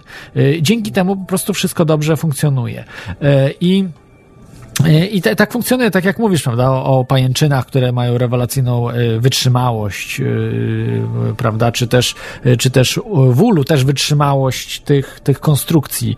Ja kiedyś, jak byłem mały, muszę powiedzieć, mój dziadek był pszczelarzem i ja myślałem, że to po prostu się kupuje, y, te, y, te wzory, bo bardzo mi się podobały y, te plastry miodu, prawda? Jak dzia- dziadek wyciągał z ula, no tak trochę może nieładnie tym pszczołom tam e, Podkradał zabierał, miodek. podkradał, ale, ale, ale dbało, nie? E, W każdym razie yy, myślałem, że to po prostu się kupuje, takie ramki i one tam ten miód tworzą, a, a potem się dowiedziałem, że właśnie one tworzą od zera. To one tworzą te yy, piękne, prawda, ym, Tak. w tej pięknej geometrii te, te całe plastry, plastry miodu. Yy, I, i no to, to Coś tam kumają te pszczółki. Yy, tak, także ta przyroda faktycznie jest niesamowicie, yy, niesamowicie jeszcze do inspiracji do nas, yy, na nas, No, nas no inspiruje. pewnie, że tak. Przyroda i inspiracja to jest, kurczę, prawie to samo słowo. Tym bardziej, że jak się wejdzie w tą przyrodę naokoło i rozejrzy, to jest sama inspiracja. Ile obrazów powstało, ile, ile wszystkiego, nie? My jesteśmy sami częścią tej natury, tylko budujemy, obudowaliśmy się jakimiś betonowymi blokami naokoło, tworząc miasta i myślimy, że musimy iść do natury. E, ta- Także wiem, że jeden chrząszcz, taka sprawa lewitacji nawet była, e, Garbnikow, e, on się zajmował takim jednym chrząszczem, czy to pszczoła, była właśnie jakiś gatunek takiego owada, który wykorzystywał efekt lewitacji, który jest jeszcze nam nieznany. Efekt właśnie, efekt bazujący na efekcie kształtu. Być może właśnie powiązany z efektami, te efekty kształtu, czyli promieniowania kształtu są powiązane z świętą geometrią, ale to jest kompletnie niebadane, bo to jest niebezpieczne dla systemu, te sprawy lewitacji, sprawy no, uwolnienia się od ulic, dróg, żebyśmy po prostu zaczęli latać wszyscy, no to to byłoby dla systemu niebezpieczne, bo wtedy jak kontrolować ludzi, Ciekawa prawda, wizja. więc, a, a, ale ta, ta wizja będzie za, za, za naszego życia. To ja gwarantuję ci, że to za naszego życia będziemy poruszali się w lewitujących y, pojazdach. I to nie na zasadzie wirników, silników spalinowych, tak jak to się wydaje, czy elektrycznych, y, tylko silników, które y, mają napęd no niekoniecznie antygrawitacyjny, bo tego nie wiemy, czy to jest efekt antygrawitacyjny, czy właśnie jakiś efekt kształtu. Niektórzy mówią, że to jest ta e, taka fizyka MHD, e, e, czyli magnetohydrodynamika plazmy, gdzie, gdzie po prostu po wytworzeniu plazmy, ta plazma, ona może się sama jakby napędzać, czy nie, nie wiem. No w każdym razie No, i to jest zaawansowana już technologia. tak, ale mi to, że Niemcy niby że wykorzystywali szybciej- w dzwonie i tak dalej, i tak dalej. Te- Tego typu rzeczy były wykorzystywane i oczywiście to jest wszystko utajniane, aby ludzie nie, nie mieli tego. Zresztą nie tylko, nie jedyna technologia jak Free Energy, rozmawialiśmy, prawda, o tych, o tych sprawach. Mi się wydaje, że to wiesz, wibracja sama w sobie może być tu- tutaj tym, tą, tym czynnikiem. Mhm. Tak- Także mam, jak już jesteśmy przy tych cewkach Rowli, na tych sprawach, co myślisz o e, temacie Free Energy, dziwnych wynalazkach? Czy tym też na konwencie się zajmujecie, czy o takich sprawach też rozmawiacie? Tak, rozmawiamy o takich rzeczach i to są bardzo ciekawe rzeczy, tym bardziej, że no, jeśli chodzi o urządzenia i jeśli, przede wszystkim w ogóle jeśli chodzi o produkcję energii elektrycznej, w taki sposób, jak ona jest dzisiaj produkowana, to jest sposób, który bym nazwał na smyczy albo uzależnieniem od, y, od dostawcy, czyli e, już nawet nie wchodząc w temat free energy, ale w ogóle energii, to są na przykład e, opracowane modele, gdzie w Polsce mogło być 99% energii produkowanej z samego wiatru na przykład, albo mamy gigantyczne ilości geotermy, która nie jest w ogóle wykorzystywana, tylko używamy kopalne rzeczy. Oczywiście to wszystko z powrotem dotyczy tej samej zasady. Kto, kto komu płaci, czyli kto jakby przyjmuje tutaj jakby tą dziesięcinę od ludzi. Więc e, jeśli chodzi o Free Energy, jest cała masa niesamowitych wynalazków, niesamych urządzeń. Sam Tesla po prostu przedstawiał niesamowite rzeczy, które, które pokazywały, że działają. No jeździmy na przykład autami spalinowymi, którymi których silniki mają 120 lat i które są najmniej wydajnymi silnikami, najbardziej awaryjnymi, jakie istnieją w ogóle i najbardziej e, nieekologicznymi, najbardziej niezdrowymi przy okazji, bo nawet Ale to się sprzeda, jakie- ale to się reperuje, to, to się psuje No i jakieś dzięki są temu można powody sprzedać właśnie następny samochód. Tak. Nie może być... śladem pieniądza właśnie, no i wtedy można znaleźć wiele ciekawych rzeczy, no tak. Silnik awaryjny jest bardzo spalinowy i no, trzeba go wymieniać, po prostu różne części, olej dolewać, różne, ale także nawet sama wibracja silnika spalinowego nie jest fajna, ponieważ jak ludzie stoją w korkach, to ten y, silnik cały czas eksploduje, tam jest kilka setek eksplozji po prostu co chwilę i to się przenosi na karoserię, a później na człowieka i człowiek później jest wkurzony. Dlaczego ci ludzie są wkurzeni w tych korkach? Bo w siedzą w tych eksplozjach. Do, do, dokładnie, że, że w autach ludzie są bardzo zden- zdenerwowani. No jest, No to jest wibracja, to jest wibracja eksplozji po prostu, która nie jest synchronizowana. To nie- jest harmonijna wibracja, którą, która na przykład tworzył, mógłby tworzyć silnik elektryczny, gdyby było uzwojenie na przykład y, właśnie w aerodynamice magnetycznej stworzone.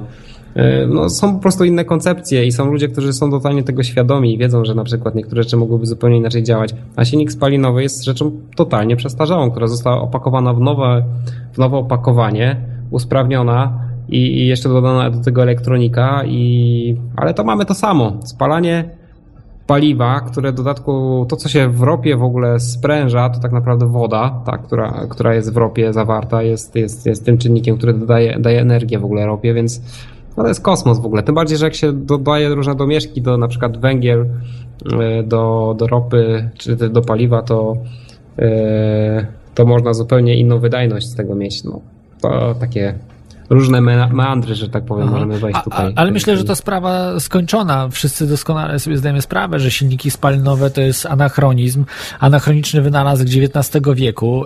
Rozumiem, w XX wieku nawet niecały XX wiek powinien być zasilany tymi silnikami, ale okej, no było z- zacofanie pewne.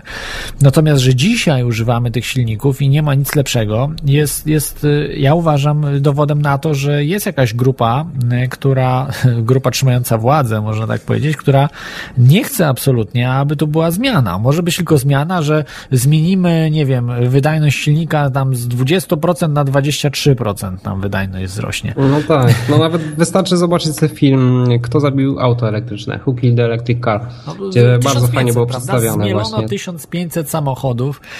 No coś, coś niebywałego. Też, też polecam Tak. ten film, żeby, żeby zobaczyć. A w tej chwili już są nawet bardzo wydajne te e, Tak. akumulatory. Y, Są, y, są, są plany na szybkie ładowania, prawda, na wytrzymałość akumulatorów. Tesla, Tesla Motors w ogóle, co to są za samochody w ogóle, co, co, oni, co oni za technologię w ogóle mają, to jest niesamowite. Mhm. Była- nie są to tanie auta, ale jak zacząłem się wczytywać, to e, no, te auta po prostu mają szybsze przyspieszenie niż Porsche i no, nie są tanie, ale na przykład mamy dożywotnie ładowanie za darmo w całej Europie. Z tym problem jest z tym, że w Polsce nie ma stacji ładowania jeszcze. Dopiero Tesla chce wprowadzić pięć stacji w Polsce na początek, ale e, można ładować go po prostu zwykłym prądem, można też ładować go. Zresztą Tesla produkuje niesamowite akumulatory też, które są bardzo wydajne, które mają dużo ciekawej technologii. Bardzo mocno, bardzo mocno jakby poszli z tym wszystkim do przodu. A trzeba zaznaczyć, że silniki e, elektryczne mają od 70 do 90% wydajności, gdzie silnik spalinowy ma 20%. Reszta to tam ciepło, e, wstrząsy, niezużyta energia. No tak, i dużo, jest- dużo mniej, prawda, y, części y, mechanicznych, części, które y, po Tak, się tak, poruszają. przełożenie napędu. No To właśnie, te, te, silniki, te silniki elektryczne, które mają e, sprawność 90-95%, to są silniki, e, samochody, które mają silniki zamontowane w kołach bezpośrednio, nie ma żadnego przełożenia napędu. Po prostu są cztery, cztery silniki mniejszej mocy, które są w kołach i e, no, hamowanie, przyspieszanie, ma, ma się napęd 4 na 4 2 na 2 tylnie. Każde koło po prostu może pracować niezależnie z inną prędkością. Kiedy wpadniemy w poślizg, komputer może obliczyć, jaki silnik ma z jaką prędkością działać, żeby nas y, wyciągnąć z tego. Więc y, to jest nie- niesamowita rzecz się otwiera właśnie używając takiego. Tym bardziej, że mówię, no 90-95% sprawności, zero przenoszenia napędu jakiegokolwiek, żadnych strat na wałach, na, na jakichś y, różnego rodzaju częściach, które obrotowych.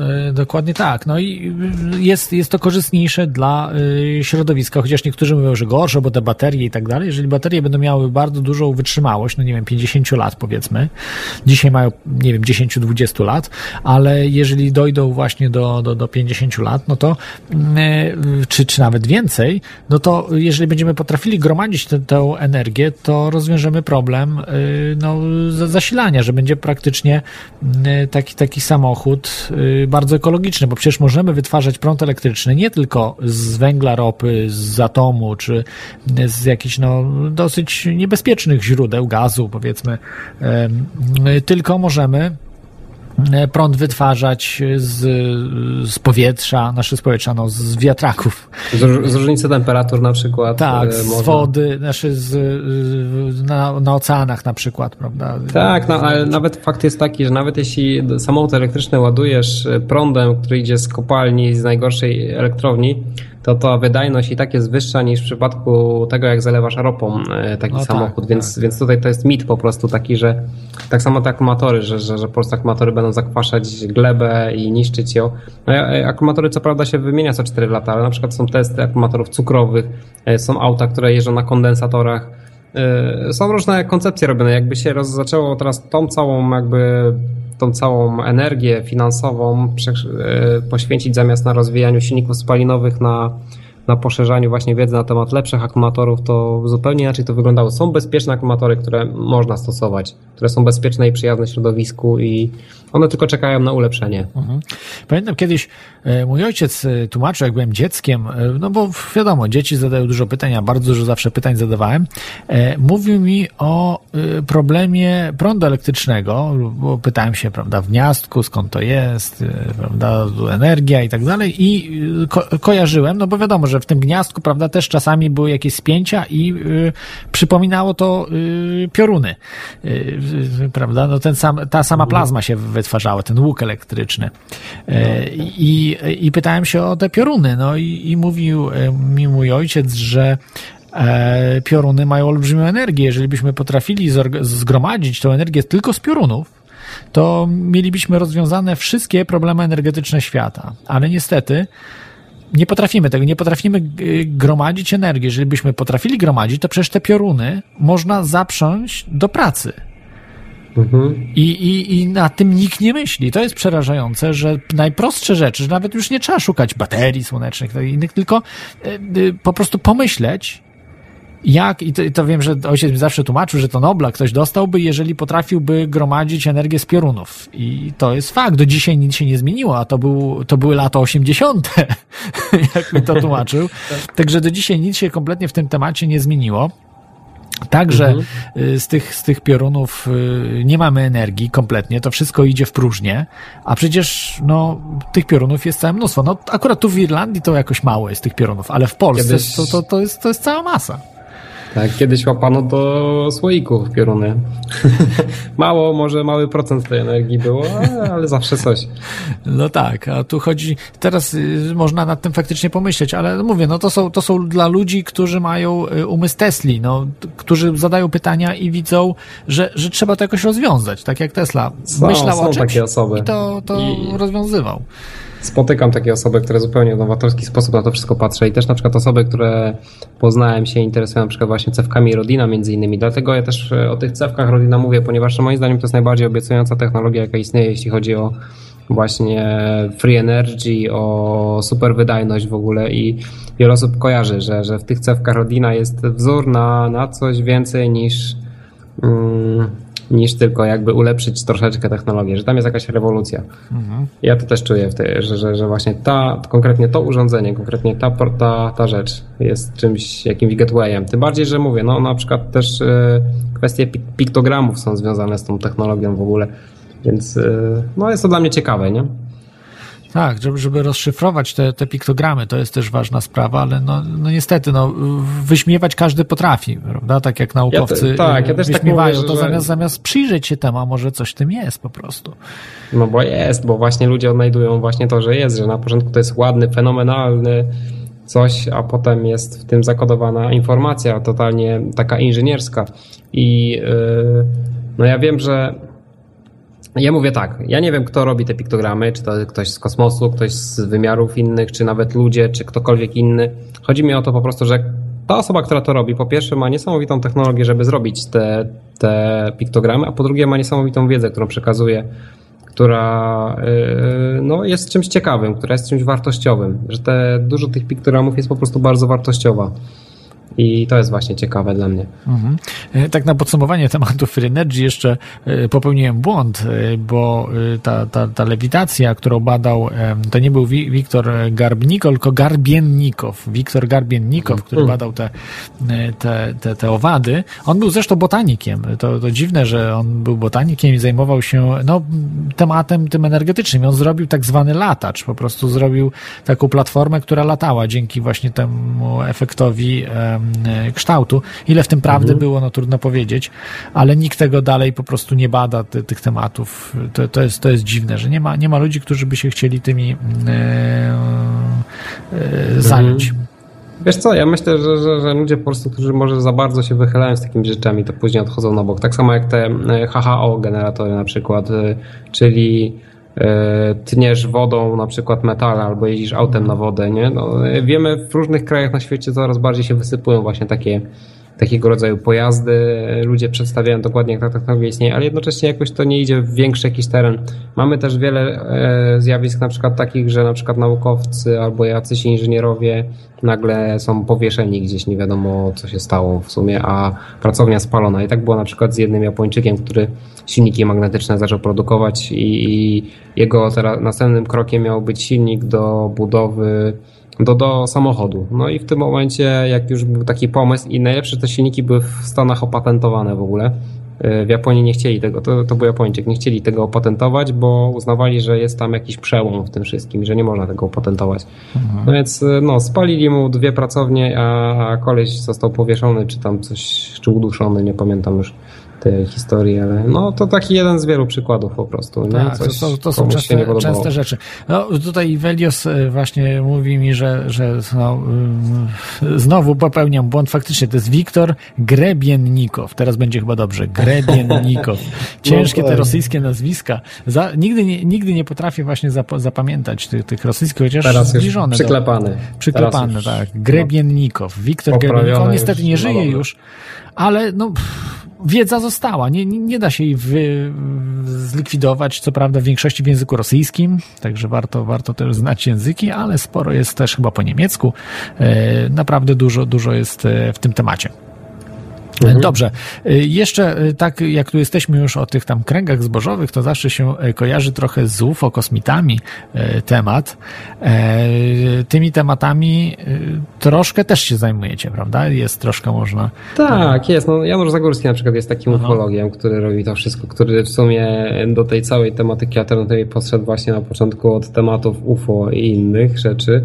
No ja generalnie w ogóle e, no, UFO, czyli niezidentyfikowane obiekty latające, traktuję jako coś, co faktycznie istnieje i, i myślę, że zamykanie się, że tego nie ma albo że jest jakiś wymysł, jest takim mm, no, ograniczeniem trochę jakby pola rzeczywistości, jakby taką, taką formą ignorancji, więc ja też nie mówię, że, że jestem jakoś przekonany, że UFO istnieje albo że nie istnieje po prostu, że jest to coś, co mnie bardzo ciekawi i interesują mnie na przykład różnego rodzaju filmy z tej tematyki, które są jakby takie już ewidentne, nie, że tam nie te, co pokazują na przykład w mainstreamie, że coś tam przeleciało, tylko na przykład Disclosure Project na przykład bardzo fajny jest, albo Miedniedniew, który opowiada o tym, co prezydenci wiedzą na temat tego w Rosji, na temat właśnie extraterrestrial, albo na przykład były, były minister e, obrony Kanady, e, generał właśnie opowiada o tym, że to, to są właśnie ciekawe, ciekawe treści, które faktycznie mają miejsce, więc e, uważam, że naprawdę się dzieje coś tutaj grubszego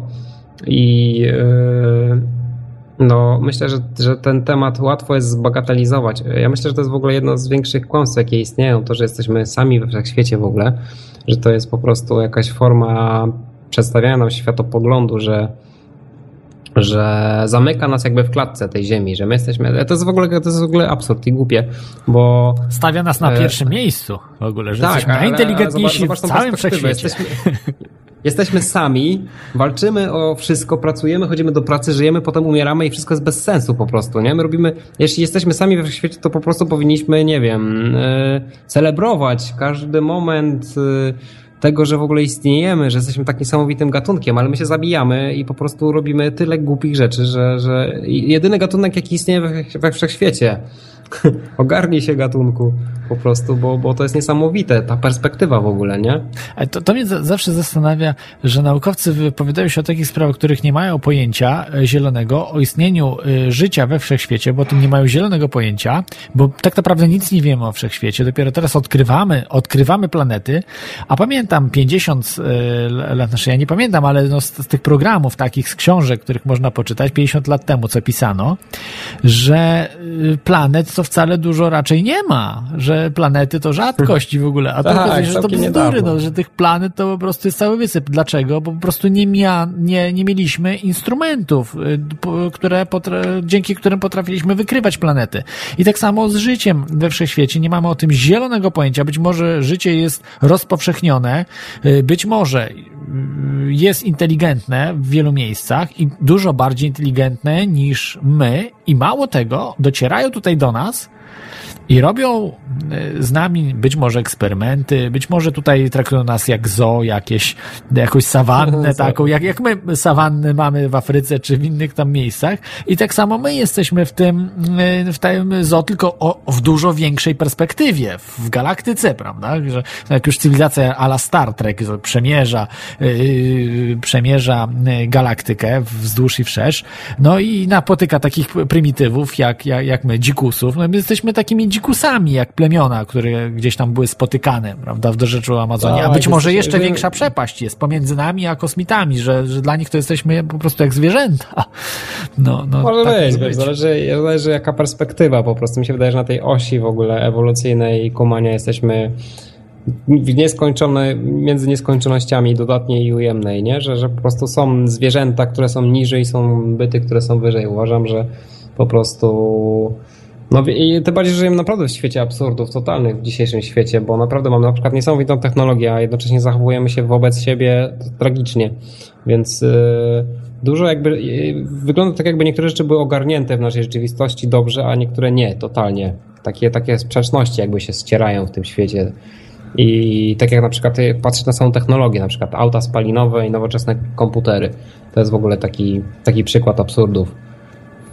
Em, e, Tak, tak jest. E, Także no to jest. e, A słuchaj, jeszcze tak się zapytam o taką sprawę, bo to zapewne więcej osób e, traktuje kosmitów. e, Ja bardziej fizycznie ich traktuję, to znaczy, że istnieją fizycznie i tak dalej, ale wiele osób w środowisku tym alternatywnym traktuje kosmitów na zasadzie właśnie takich bytów wielowymiarowych czy z innego wymiaru i pod wpływem na przykład ayahuaski bardzo dużo ludzi widzi, tak, jakieś ty- tych właśnie tych kosmitów, te inne byty. Jak, jak do tego, na to się zapatrujesz? E, Czy No, można powiedzieć, że istota nie z tej przestrzeni. Yy, Wiesz co, dla mnie rzeczywistość jest jakby nałożona na siebie wibracyjnie, wielowymiarowo, czyli generalnie kiedy używasz substancji enteogennych, to też to, to Timothy Leary mówił, zmieniasz swoją percepcję i zaczynasz dostrzegać wibracyjnie rzeczy, których nie widziałeś wcześniej, a które istnieją. Jakby widzisz jakby rozszerzoną rzeczywistość albo rzeczywistość nałożoną na rzeczywistość. Timothy Leary powiedział coś takiego, że e, dla naukowca e, LSD jest jak mikroskop albo teleskop, że zabronienie w ogóle, że nagle odkrywasz, że jest tam niewidzialny świat, że, że, że, że coś jest w ogóle, jakieś formy energii, których w ogóle wcześniej nie, ludzie nie mieli pojęcia w ogóle, że coś takiego istnieje. I, I teraz zakazywanie tego jest jakby odbieraniem właśnie mikroskopu albo teleskopu naukowcom, którzy chcą to zobaczyć. Więc jak najbardziej istnieją inne wymiary. Ja myślę, że rzeczywistości są e, wibracyjne na siebie nałożone, także e, ta częstotliwość, którą jakby tutaj odbieramy, bo my też jesteśmy stworzeni z energii, materia, energia jest tym samym, nie? Równa się mc kwadrat. I po prostu nasza percepcja, nasze zmysły nie dostrzegają pewnych mm, jakby wyższych albo niższych poziomów wibracyjnych i dzięki właśnie rozszerzonej percepcji potrafimy jakby się dostrajać i widzieć i byty, i przestrzenie, i, i inne rzeczy, które są po prostu na innych poziomach wibracyjnych. No i kosmici, którzy są kosmici, no w cudzysłów powiedzmy, byty, byty może, które są na innych poziomach, mogą być dostrzegalne, bo jeśli chodzi o kosmitów, to myślę, że definicja to jest taka, czyli istoty, które są na tym samym poziomie wibracyjnym, co my, jeśli chodzi o gęstość jakby materii i, i no Myślę też, że takie istoty istnieją. Nie mogę tutaj uciąć ręki, ponieważ nie, nie spotkałem takiej, takiej postaci, nie widziałem. Jest to tylko mój domysł. Po prostu jakby składam te puzelki, które znajduję w internecie na własny sposób i uważam, że po prostu coś tutaj się grubego dzieje i myślę, że kwestia UFO też jest tutaj bagatelizowana. Tym bardziej, że jak się na przykład spojrzy, w tym roku było zrobione zdjęcie Andromedy, galaktyki przez NASA, e, chyba w lutym tego roku, które jest jednym z najbardziej spektakularnych zdjęć, jakie zostało zrobione. Tam jest po prostu bardzo przybliżona ta Andromeda została, jej wycinek taki. I oglądasz to zdjęcie, to, to w JPEG-u waży 190 coś megabajtów, a w BMP płytę DVD to waży, to, to zdjęcie. Czyli yy, i właśnie warto w wersji nieskompresowanej to oglądać, czyli BMP, czyli 4 gigabajty i, I wtedy widać, że ta każda plamka, jaka tam jest jasna, jest pff, niesamowitą ilością różnych gwiazd, które istnieją, więc naprawdę tego jest dużo. Nasz wszechświat jest po prostu niesamowicie wielki i myślę, że to też jest jakaś forma ludzkiej ignorancji, ale, ale z drugiej strony, no czego nie, nie zobaczymy, to uważamy, że nie istnieje. Mhm. Chociaż. Ja, tak chociaż jakoś tak e, podświadomie odczuwamy, że, że istnieją jakieś rzeczy, których nie do końca widzimy. Na przykład wiara na tym, na tym polega, nie? W religiach. Mhm. Wierzymy w Boga, wierzymy w aniołów, wierzymy w jakieś inne rzeczy, chociaż nigdy e, raczej większość ludzi nie miała z tym kontaktu. E, dokładnie. Jest z nami stały słuchacz. Witaj stały słuchaczu. Dzień dobry. Mam tylko jedną informację. Tesla będzie w przyszłym miesiącu zacznie budowę w Polsce e, szybkiej ładowarki trzystanowiskowej. E, w Warszawie pewnie, tak? A na Śląsku? Na Śląsku będzie już jest umowa podpisana na wynajem gruntu. E, wszystkie papiery są załatwione i budowa po prostu wkrótce ruszy. E, ten e, to ten i akumulatory te litowo-jonowe są przetwarzane w 80-90%, więc pod tym kątem nie ma problemu. E, że zanieczyszczają środowisko, tylko trzeba je potem oddać do, do, do właściwego serwisu. Żeby Aha, recyklingu. Trzeba, trzeba je recykling, recykling, bo to są drogie mhm. materiały, więc nie ma opłacalny jest recykling. E, a o piorunach e, ja dość dawno to trafiłem, ktoś zmierzył energię, takim tam mówimy o standardowym piorunie, co się widzi błyski, jakby tą energię zgromadzić z pojedynczego uderzenia pioruna mhm. takiego średniego, to to by wystarczyłoby na e, dość, dość, dość mało, że na przykład na godzinę prasowania żelazkiem 2 kW, więc, więc e, a musi piorun trafić w, na, w nas piorunokrąg, więc e, znaczy, szansa, znaczy jak, że ma taką moc, jeden piorun, że... że... Tak, bo to on trwa ułamek sekundy. Ile trwa e, błysk pioruna? Kilka milisekund. On trwa bardzo krótko, niesie bardzo duży ładunek, ale trwa bardzo krótko. Mhm. Ile trwa błysk, ile widzimy piorun, jak uderza, jak jest burza? Trwa ułamek sekundy. A z tego, co słyszałem, to jest ileś On... uderzeń, że to nie jest jedno uderzenie, tylko jest ileś, ileś uderzeń w tym jednym ale, takim... Ale trwa po prostu to jedno uderzenie. Widzimy błysk i ono zaraz zniknie. To ile to trwa? Kilka sekund. A my musimy pobierać energię w dłuższy czas. My mamy bardzo dużo, tak jak jest rozruch samochodu, jak rozrusznik się zakręca. Jest chwilę, uderzenie jest tam 200 amper, ale to trwa kilka sekund. Tak jak rozrusznik w samochodzie. No tak, jakby pobrać tą energię. Dużo... Chodzi mi o to, że jeżeli by ktoś potrafił pobrać i zgromadzić tą energię, bo to, to, to, to jest problem. To o to chodzi, że e, jeden błysk, e, e, co innego, pobrać energię z całej chmury. Ale są nad tym kombinują za pomocą lasera. Tworzymy ścieżkę i, i ściągamy niemal całą energię z, z pioruna, ale to jest bardzo zaawansowane te lasery muszą być bardzo zaawansowane, żeby tworzyć odpowiednią ścieżkę. Wszystko to są bardzo zaawansowane, to jest współczesna technologia, żeby wytworzyć tą ścieżkę, żeby skierować tą energię z chmury do jednego punktu i wtedy ją, e, można by ją pobrać, bo z samego uderzenia pioruna, które widzimy, jak burza jest, to sam piorun stosunkowo niesie małą energię do, e, bo bardzo krótko trwa po prostu. Mhm. To wyładowanie jest bardzo krótkie, a to chodzi, żeby wysać większość tej energii z tej chmury. Ro, rozumiem. Słuchaj, chciałem się jeszcze ciebie zapytać e, o trwałość tych baterii litowo-jonowych. One są 10 lat? Tesla na te domowe magazyny daje 10 lat gwarancji, Aha. ale jak się trochę więcej dopłaci, rocznie jest 20 lat gwarancji, wydłużenie z gwarancji. Aha, e, ale tak to powinny przetrwać, tak około jak będziemy je piłować, czy będziemy tak full ładujemy i rozładowujemy je do zera, jeżeli tak będziemy rozładać do połowy pojemności, to wtedy jest bardzo długa żywotność. Aha. Rozumiem, czyli... To zależy jak, jak je tak. będziemy traktować, bo nawet w Niemczech firma opracowała specjalny układ sterowania do rozładowania tych baterii, że nawet o 30% z, e, tych standardowych wydłużyła żywotność. Mhm. Zależy jak je będziemy je katować. Jak będziemy je tak katować dużymi prądami, to będą krócej żyły, a jak będziemy je tak łagodnie traktować, to wtedy dłużej pożyją. Jasne. Stary słuchaczu, czy, czy masz pytanie jakieś, czy się wybierasz na e, właśnie konwent E, wiedzy e, alternatywnej? To jest dla mnie, musiałby mnie ktoś tam zabić, więc, więc nie wybieram, Aha. ale sobie tylko będę słuchał, jak, jak będzie coś, coś Hmm. na ten temat, w audycji na temat. A y, y, y, co jeszcze jakieś, jeszcze miałem jedno pytanie. I, i, ty, I tyle, i jeszcze tam y, link, o właśnie może sobie pan obejrzeć, y, jest tam w linku Jasne, o samochodach. wszystkie, tak, o tak, samochodach i drugie było, że pan mówi, że w mainstreamie nie ma o teoriach spiskowych, a na, e, często jest na e, Interii, na nawet głównej stronie wyskakuje, na samej górze wyskakują fajne linki z, z teoriami spiskowymi. Mhm. No Właśnie zależy jakimi, zrobili- że, że jeżeli linki, podałem ludzie delfiny strony- pływają w oceanach, to, to, to Że się zaciekawie. Rozumiem, rozumiem. No zależy jakie teorie spiskowe, bo, bo są Tam różne teorie. o odkryciach na dziwnych rzeczy na Marsie i jakiegoś spotka.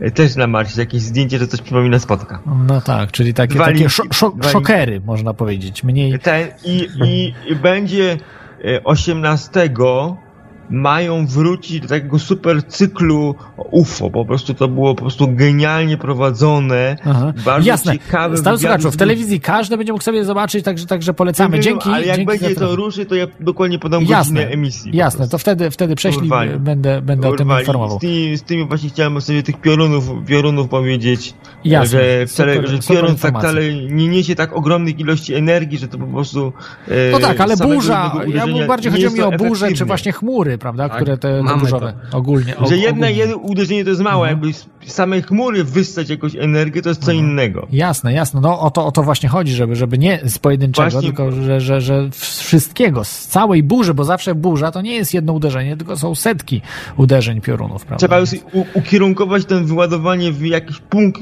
w którym moglibyśmy tą energię pobrać. Mhm.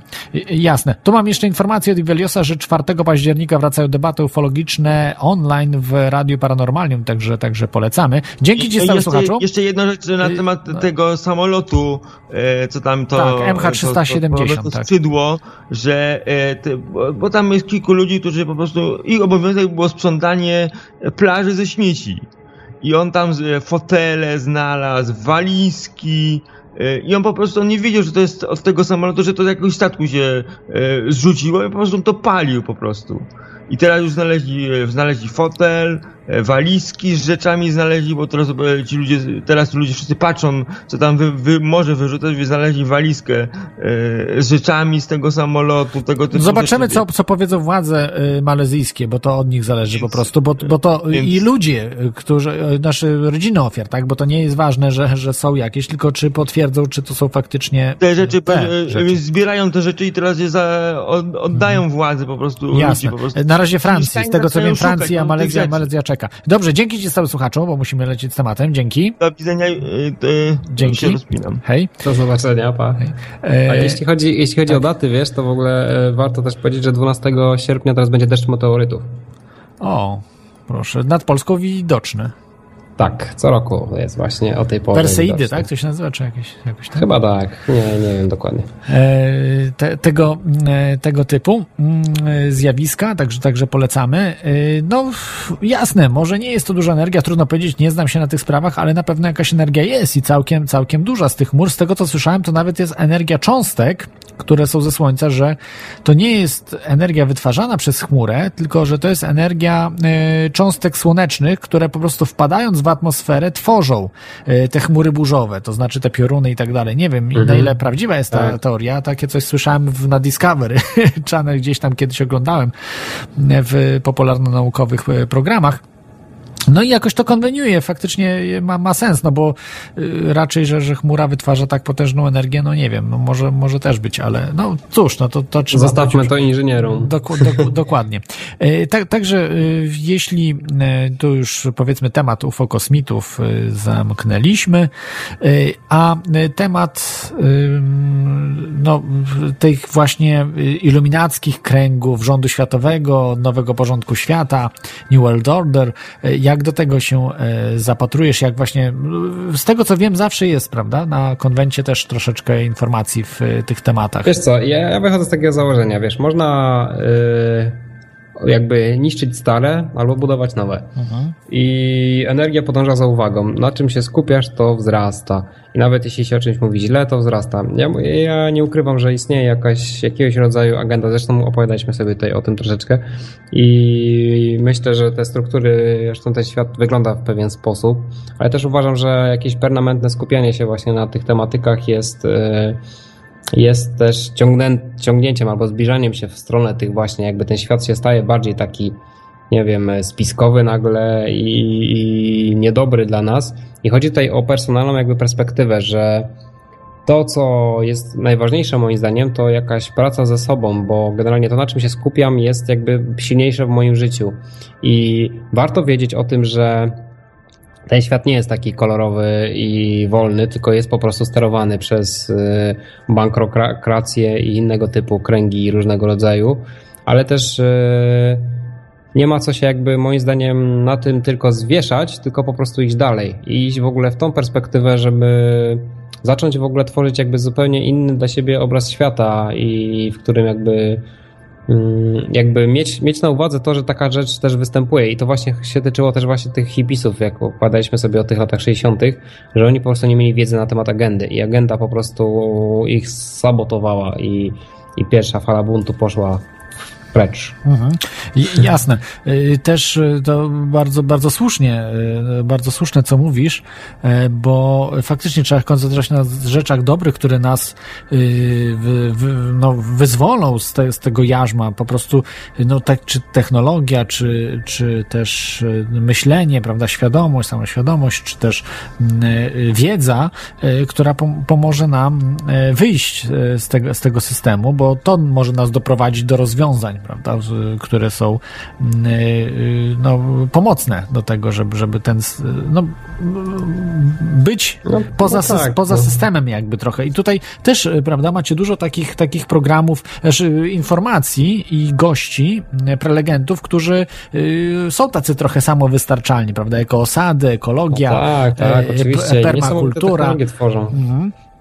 E, tworzą na przykład e, kopuły albo energetykę, albo nawet osady całe. Teraz właśnie w lutym, jak był konwent, to e, było, byli ludzie z okrągłego miasteczka, gdzie przedstawili w ogóle swoją koncepcję miasta, też opartego o świętą geometrię, między innymi o kopuły i o samowystarczalność. W ogóle jeśli chodzi o osady, to ja widzę, że jest jakiś teraz boom w ogóle, że wiele ludzi chce tworzyć różnego rodzaju osady i i, i nawet jest cohousing zaczyna jakby na nowo żyć, czyli to nie jest żadna komuna, tylko cohousing polega na tym, że jest część wspólna i część prywatna jakby i się mieszka e, dzięki temu, że mieszka się w taki cohousingowy sposób się na przykład bardzo dużo różnych rzeczy zaoszczędza.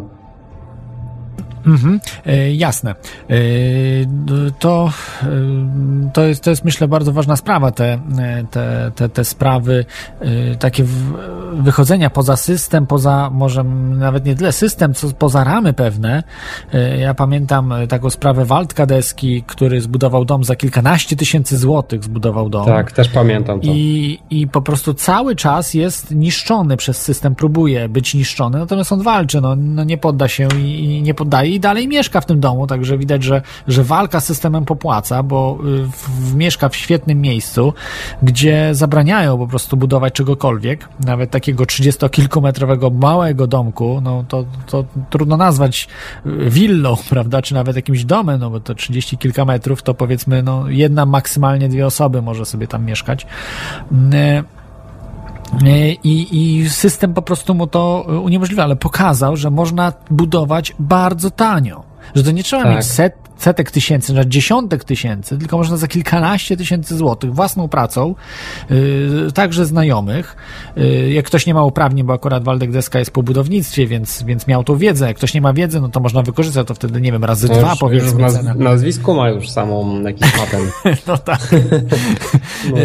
więc, yy, więc da się to zrobić. I, I ludzie nie mają tej świadomości, że można naprawdę bardzo tanio zamieszkać. Yy, bardzo fajnie. Ja byłem tam u niego w domu, u Waldka Deski europejskich, powiem wam tak, no yy, 99% ludzi w Polsce marzyłoby o czymś takim po prostu. Taka, Jasne, takiej że tak, jakości. to jest, że to, to nawet nie jest blok, to jest po prostu domek, przepiękna okolica Kazimierza y, nad Wisłą, y, Kazimierza Dolnego i y, no po prostu ekologiczne. Ja wiem, że to nie jest super, prawda, drewniany, tam jest dużo drewna, ale no wiadomo, że tam są materiały też odpadowe, jakaś papa, jakieś coś tam, takie, żeby to było tanie, prawda, tanie materiały, drewno też nie najwyższe, jakieś sosnowe z Kanady i tak dalej, i tak dalej, tylko no takie drewno zwyczajne po prostu, które nadaje się do, do budowy, y, często jest też odpadowe gdzieś tam, powiedzmy, ale, ale nadaje się do, do zrobienia i Udało mu się to zrobić, prawda? I to jest, No tak, e, to, no. to jest, to jest fenomenalne, a jest bardzo ekologiczne, bo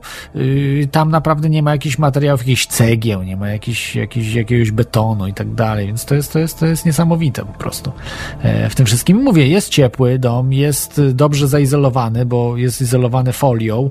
Y, folią, coś tam jeszcze jest, nie, nie znam się na tych sprawach, prawda, ale to jest, jest naprawdę dobrze, bardzo dobrze zrobione, czyli now, nowoczesna myśl, ale odpadowe materiały, które umożliwiają zrobienie nowoczesne, dokładnie, zrobienie. To się bardzo nie podoba urzędnikom, bo to trzeba wszystko, na wszystko mieć pieczęcie, na wszystko trzeba mieć pozwolenia, więc y, y, to wszystko kosztuje. Te, ci urzędnicy powodują bezdomność tak. i ci urzędnicy powodują to, że y, domy kosztują kilkaset tysięcy złotych zamiast y, kilkadziesiąt czy kilkanaście. No kil, powiedzmy, no A, kilkadziesiąt z- tysięcy. a Dziesięć razy mniej. historię z Earthshipami? Z, z, z właśnie Gabriel Warrior? e, Tak, tak, który- tak, znam, ale to chyba jest dużo droższa sprawa, te airshipy. Tak, ale, ale on ma jest- 15 lat stracił prawa architekta, po czym były one przyznane, a teraz jest uznawany za geniusza. Więc Mhm. najpierw, najpierw z tobą walczą. Nie, najpierw się z ciebie śmieją, potem z ciebie z tobą walczą, a potem zwyciężasz, tak, to się na mówi? samym końcu, dokładnie. E, ignorują na samym początku jeszcze, na, Tak. że, że y, ignorują, bo ignorancja jest najsilniejszą bronią, żeby cię za, zagłuszyć w ogóle, bo jeżeli o tobie nie mówią, no to nie, nie wzrastasz, ale jak już jest, wzrosłeś, to już będą cię wyśmiewali, prawda? Później atakowali, a na samym końcu i tak y, zwyciężasz. No i to jest, y, po prostu trzeba robić, trzeba walczyć, no nie można się poddać, nie można, y, no, y, nie wiem, no po, poddać się w połowie drogi, prawda? E, Jasne, że to tak. wygląda. No ważne, żeby po prostu każdy miał swoje życie takie, jakie chce, spełni spełnienie w życiu i żebyśmy żyli po prostu w zgodzie ze sobą. Y, Dobrze, to jeszcze, to jeszcze tylko y, tam kilka ostatnich pytań, jeśli, jeśli pozwolisz, już będziemy już kończyli. Jasne. Y, I tak, o zjawiskach niewyjaśnionych, to ja, ja myślę, że tylko tak, tak względnie powiem, bo dużo, dużo będzie, prawda? O OB, o takich sprawach. Tak, będzie o y, świadomych tych- snach, o wyjściach z ciała, o śmierci klinicznej, En- będzie en- sesja hipnozy regresyjnej na konwencie. tak. Yy, To o, rozmawiałem mówiłeś o biogo- bioenergoterapii, prawda, takiej sprawy, że ktoś nie zna te, tego tematu, to można też dowiedzieć się, prawda, o tych Szczerze mówiąc, to ja nawet sam go do, dokładnie nie znam, wiesz?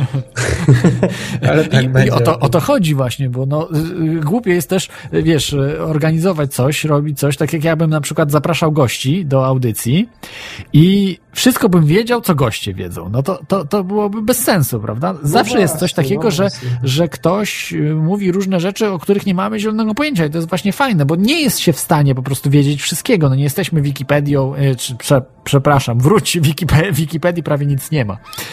E, e, w, No, w internetem, Trochę tak? się stoczyła, tak, Wikipedia, Tak, to prawda. internetem, Te bo- cenzu, cenzury. Cenzura była totalna. Ja uciekłem z Wikipedii wiele lat temu, bo próbowałem właśnie tam wrzucać wiedzę taką yy, na granicy. No, aż, aż założyłem y, projekt, tylko że no niestety się jakoś nie rozwija, nie potrafię jakoś tego. Chciałem komuś przekazać ten projekt, ale też nikt nie chce, y, czyli tej takiej konspiracyjnej Wikipedii. Y, W tej chwili jest konspiracyjna.ga chyba, Mhm. jeśli dobrze, miałem. Tymczasowa jeszcze domena, ale, ale na razie to, się- to się rozwija, więc tam jest trochę tych haseł, nie za wiele, ale, ale trochę jest po prostu rzeczy związanych z, z konspiracjami. Myślę, że to jest bardzo, Mhm. bardzo, bardzo ważna rzecz, bo, bo nie widziałem takiego projektu za granicą, jest to wszystko y, y, po prostu w rozsypce. Jakieś takie tematy wrzucane są, po prostu chodzi o to, żeby to były realne tematy, a nie wrzucanych właśnie delfinoludzi, czy jakiś właśnie na Marsie jakichś No. znalezisk, prawda, że tutaj kraba znaleziono na Marsie i tak dalej, bo to, bo to potem trochę ośmiesza temat, prawda? Tak, dezinformacja jest najlepszą bronią teraz. D- Dokładnie, więc to chodzi o takie rzeczy, że mamy na przykład wynalazcę i ten wynalazca żył, że tylko konspiracja, owszem, ale rzeczy potwierdzone, to znaczy, że mamy jakiegoś człowieka i wiemy, że on żył, a nie, że wymyślamy sobie y, kosmitę, że gdzieś na Marsie żyje i sobie wpisujemy go w taką, bo, bo wtedy to rozwala cały, cały temat, prawda? Tak, jest i dobrze robione. tutaj mówisz właśnie, to jest metodyka naukowa, to jest najlepsza rzecz, którą na razie człowiek wymyślił, jeśli chodzi o odnajdywanie, co jest prawdą, a co właściwie nie. Dokładnie, jest cewka metod- ro- Rodina, o której mówisz. Możemy sobie zbudować, Mhm. zobaczyć jak działa. Nie jesteśmy pewni, czy tak działa, jak ktoś opisuje, ale, ale ona istnieje. Ona Ale jest. można zbudować sobie samemu, wydrukować dokładnie. sobie kartkę z internetu i, i nawinąć zwoje Tak. tej kartce w ogóle, więc... I, I to jest realna sprawa, ale konspiracyjna, jakby nie było, prawda? Nieuznawana przez naukę za bardzo. No właśnie. Więc y, to, to, to chodzi. Y, Więc naj... co, ja, ja nawet mam pytanie do ciebie. Nie wiem, jak wy możecie te audycje tak późno w ogóle prowadzić, bo ja powiem ci, że cały czas przez tą audycję ziewam okropnie. to bardzo przepraszam, ale no niestety no w Irlandii jest godzina wstecz, więc, więc dopiero A, jest, jest pierwsza w tej sekret. chwili. Y, To, to po pierwsze, a po drugie, no pracuję po prostu, no i, i no wcześniej, nie, nie wyrabiam się wcześniej, żeby po prostu Mhm. tam pracę zakończyć e, i tak dalej, więc, e, więc to, to jest po prostu problemem. No jak, jak każdy gdzieś tam, gdzieś tam trzeba po prostu pracować. Fajnie No by tak, było, jakbym ale z tego mógł się utrzymywać, prawda, z audycji, Tak. ale to jeszcze nie ten czas, nie, nie, nie to miejsce, więc... em, więc, więc No właśnie. dlatego, dlatego, o takiej godzinie. Poza tym też jest taki klimat troszeczkę, e, tutaj jeszcze zdradzę, no, słuchacze, słuchacze audycji Teoria Hosu już to chyba znają, e, że, że wzorowałem się na takiej audycji Coast to Coast AM, która była właśnie w takich godzinach nocnych. Najpopularniejsza nocna audycja na świecie w ogóle, e, o, Mhm. o spiskach, rzeczach niewyjaśnionych.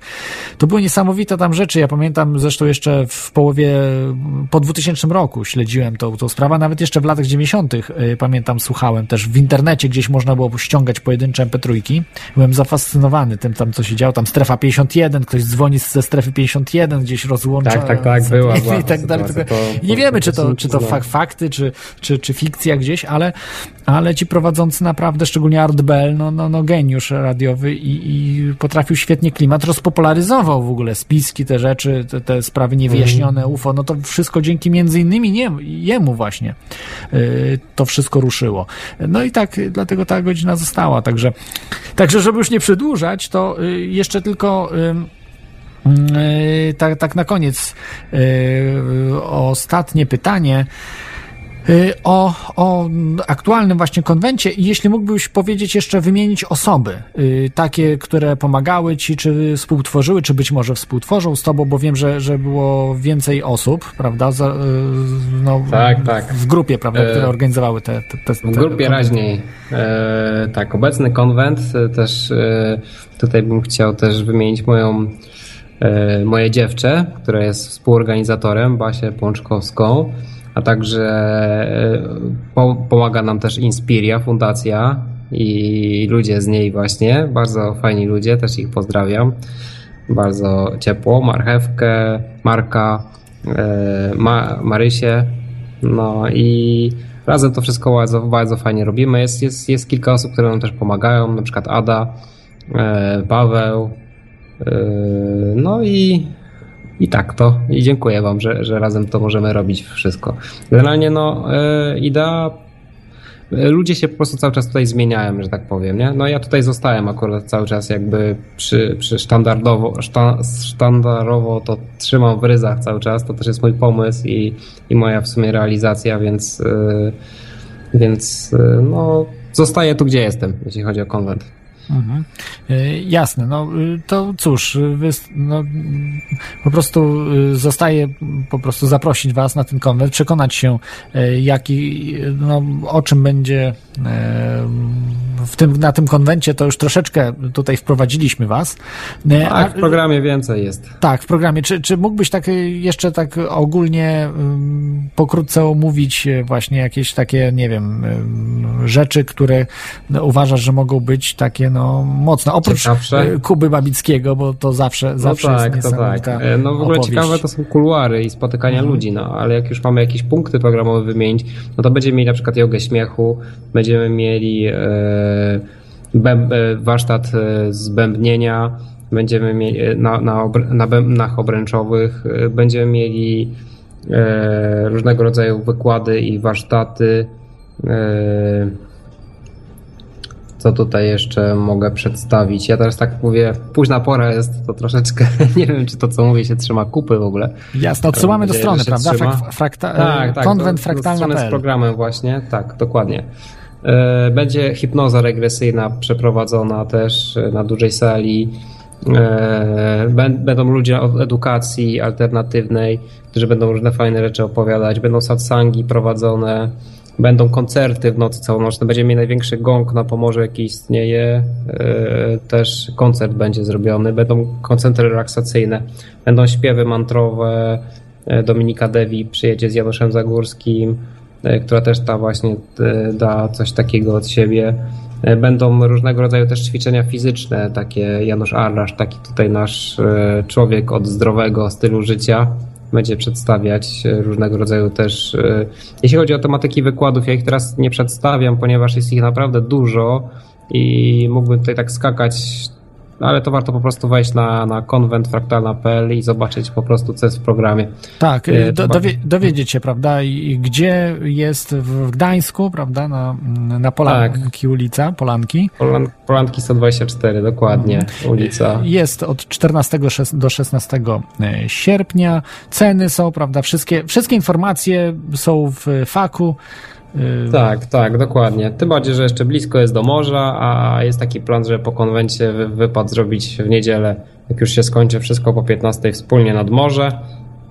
Teraz doszedł jeszcze jeden pomysł, bo też e, osoby, które u nas grają na bębnach, e, chcą, żeby jeszcze po tej morzu jeszcze zrobić kurs e, bębnienia albo wspólne granie na bębnach od około 20 godziny w niedzielę w ogóle jeszcze razem, więc e, no jeszcze też niesamowita rzecz doszła.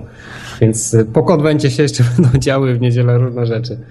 Nie, Jasne. Także, y, no, no cóż, dzięki, dzięki Ci Tomku za, za wystąpienie, za omówienie właśnie tych, tych spraw, o których, o których, em, no, o, którymi żyjemy, czy będziemy żyli w XXI wieku, można powiedzieć, bo y, y, dzisiaj Mhm. one są jeszcze kompletnie uważane za jakiś, jakiś kosmos. Y, Oj, zmienia się już, już się zmienia. na, natomiast, natomiast no, oczywiście przez ludzi, którzy uczestniczą prawda, w takich konwencjach, czy, czy nas, no to, to jest jak najbardziej coś normalnego, natomiast przeciętnemu człowiekowi wydaje się to jednak jeszcze dzisiaj coś, coś sprawą kosmiczną, Mhm. ale, ale to, są, to są rzeczy bardzo ważne, które XXI wiek, czy nauka nawet XXI wieku będzie musiała mm, zmierzyć się z tym i wprowadzić do swojej no, y, dialektyki, można powiedzieć wręcz, e, to, te, te wszystkie rzeczy, a, a wszyscy my ludzie y, ciekawi y, świata też będziemy musieli się tym zainteresować, bo to, to są rzeczy, które mm, no, są po prostu ważne, są ważne do y, zdrowego życia, tak, czy, czy prawidłowego Tak, życia. Do, mają wyzwanie do, do ogarnięcia. Mhm. Dzięki nam i innym osobom, które po prostu trochę w inny sposób patrzą na świat. Y, Jasne. To jeszcze raz dziękuję Ci- y, bardzo i życzę wszystkiego dobrego, żeby ten konwent się Ja- udał. Ja też Ci dziękuję za miło spędzony czas i dziękuję słuchaczom, że mogliśmy e, sobie tak miło pogadać i no ja wracam w ogóle do spraw konwentowych, wiem, że jest druga w nocy, ale będę musiał jeszcze chwilę posiedzieć nad programem i Hmm. trochę tego jest w ogóle, więc no dziękuję Ci bardzo. Jasne, jasne. Y, Zapraszam wszystkich Was na, na konwent. Jeszcze raz, kon- konwent.fraktalna.pl Zgadza się. Zgadza się, super, zapamiętałem.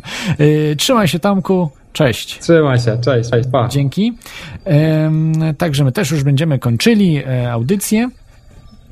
E, To była teoria chaosu. Dzisiaj rozmawialiśmy z Tomkiem Grubą e, na temat organizowanej przez niego imprezy konwentu wiedzy alternatywnej.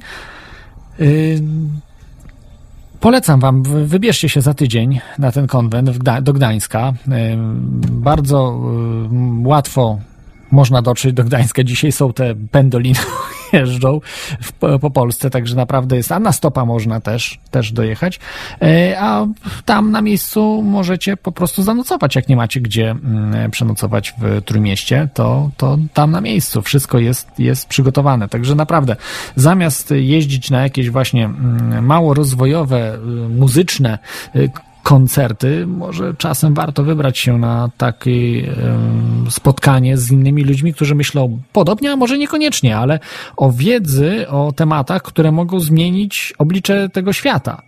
Nie będziemy odwoływali się do różnych, nie wiem, duchów świętych czy, czy innych y, nadprzyrodzonych bytów, tylko po prostu będziemy musieli z tymi problemami zmierzyć się my. I my, naszą wiedzą, możemy zmienić ten świat, bo y, no, od samej medytacji też być może świat się trochę może zmienić, ale jeżeli chcemy dopomóc temu, to do tej medytacji warto dorzucić wiedzę i naukę, żeby po prostu ten świat móc zmieniać, żeby móc tworzyć nowe rzeczy, które jeszcze nie istnieją dzisiaj. A to gwarantuje wam, że za naszego życia będą takie rzeczy, którym się filozofom, y, te rzeczy się filozofom po prostu y, nie śniły. Także e, zawsze kończę tym miłym nagraniem Maxa Wavesa. E, dzięki, że słuchaliście tej audycji. E, no cóż, polecam jeszcze raz wybrać się na konwent. Inne tego typu imprezy, które też będą, myślę, w tym roku. No i po prostu tworzyć, zmieniać świat, myśleć o tym. Mogą się z was śmiać, nie wiem, niszczyć was, spróbować, ale nie ma się czego bać. I tak zwyciężycie na koniec i też to stosuję. Nic złego się nie spotyka, mnie nie spotyka, no a wiedza po prostu się rozszerza z prędkością świata. Trzymajcie się, miłego weekendu, cześć!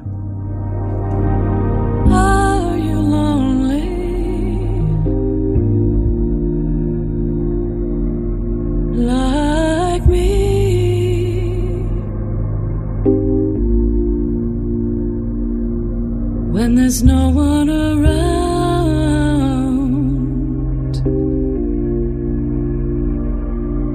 for you to talk with.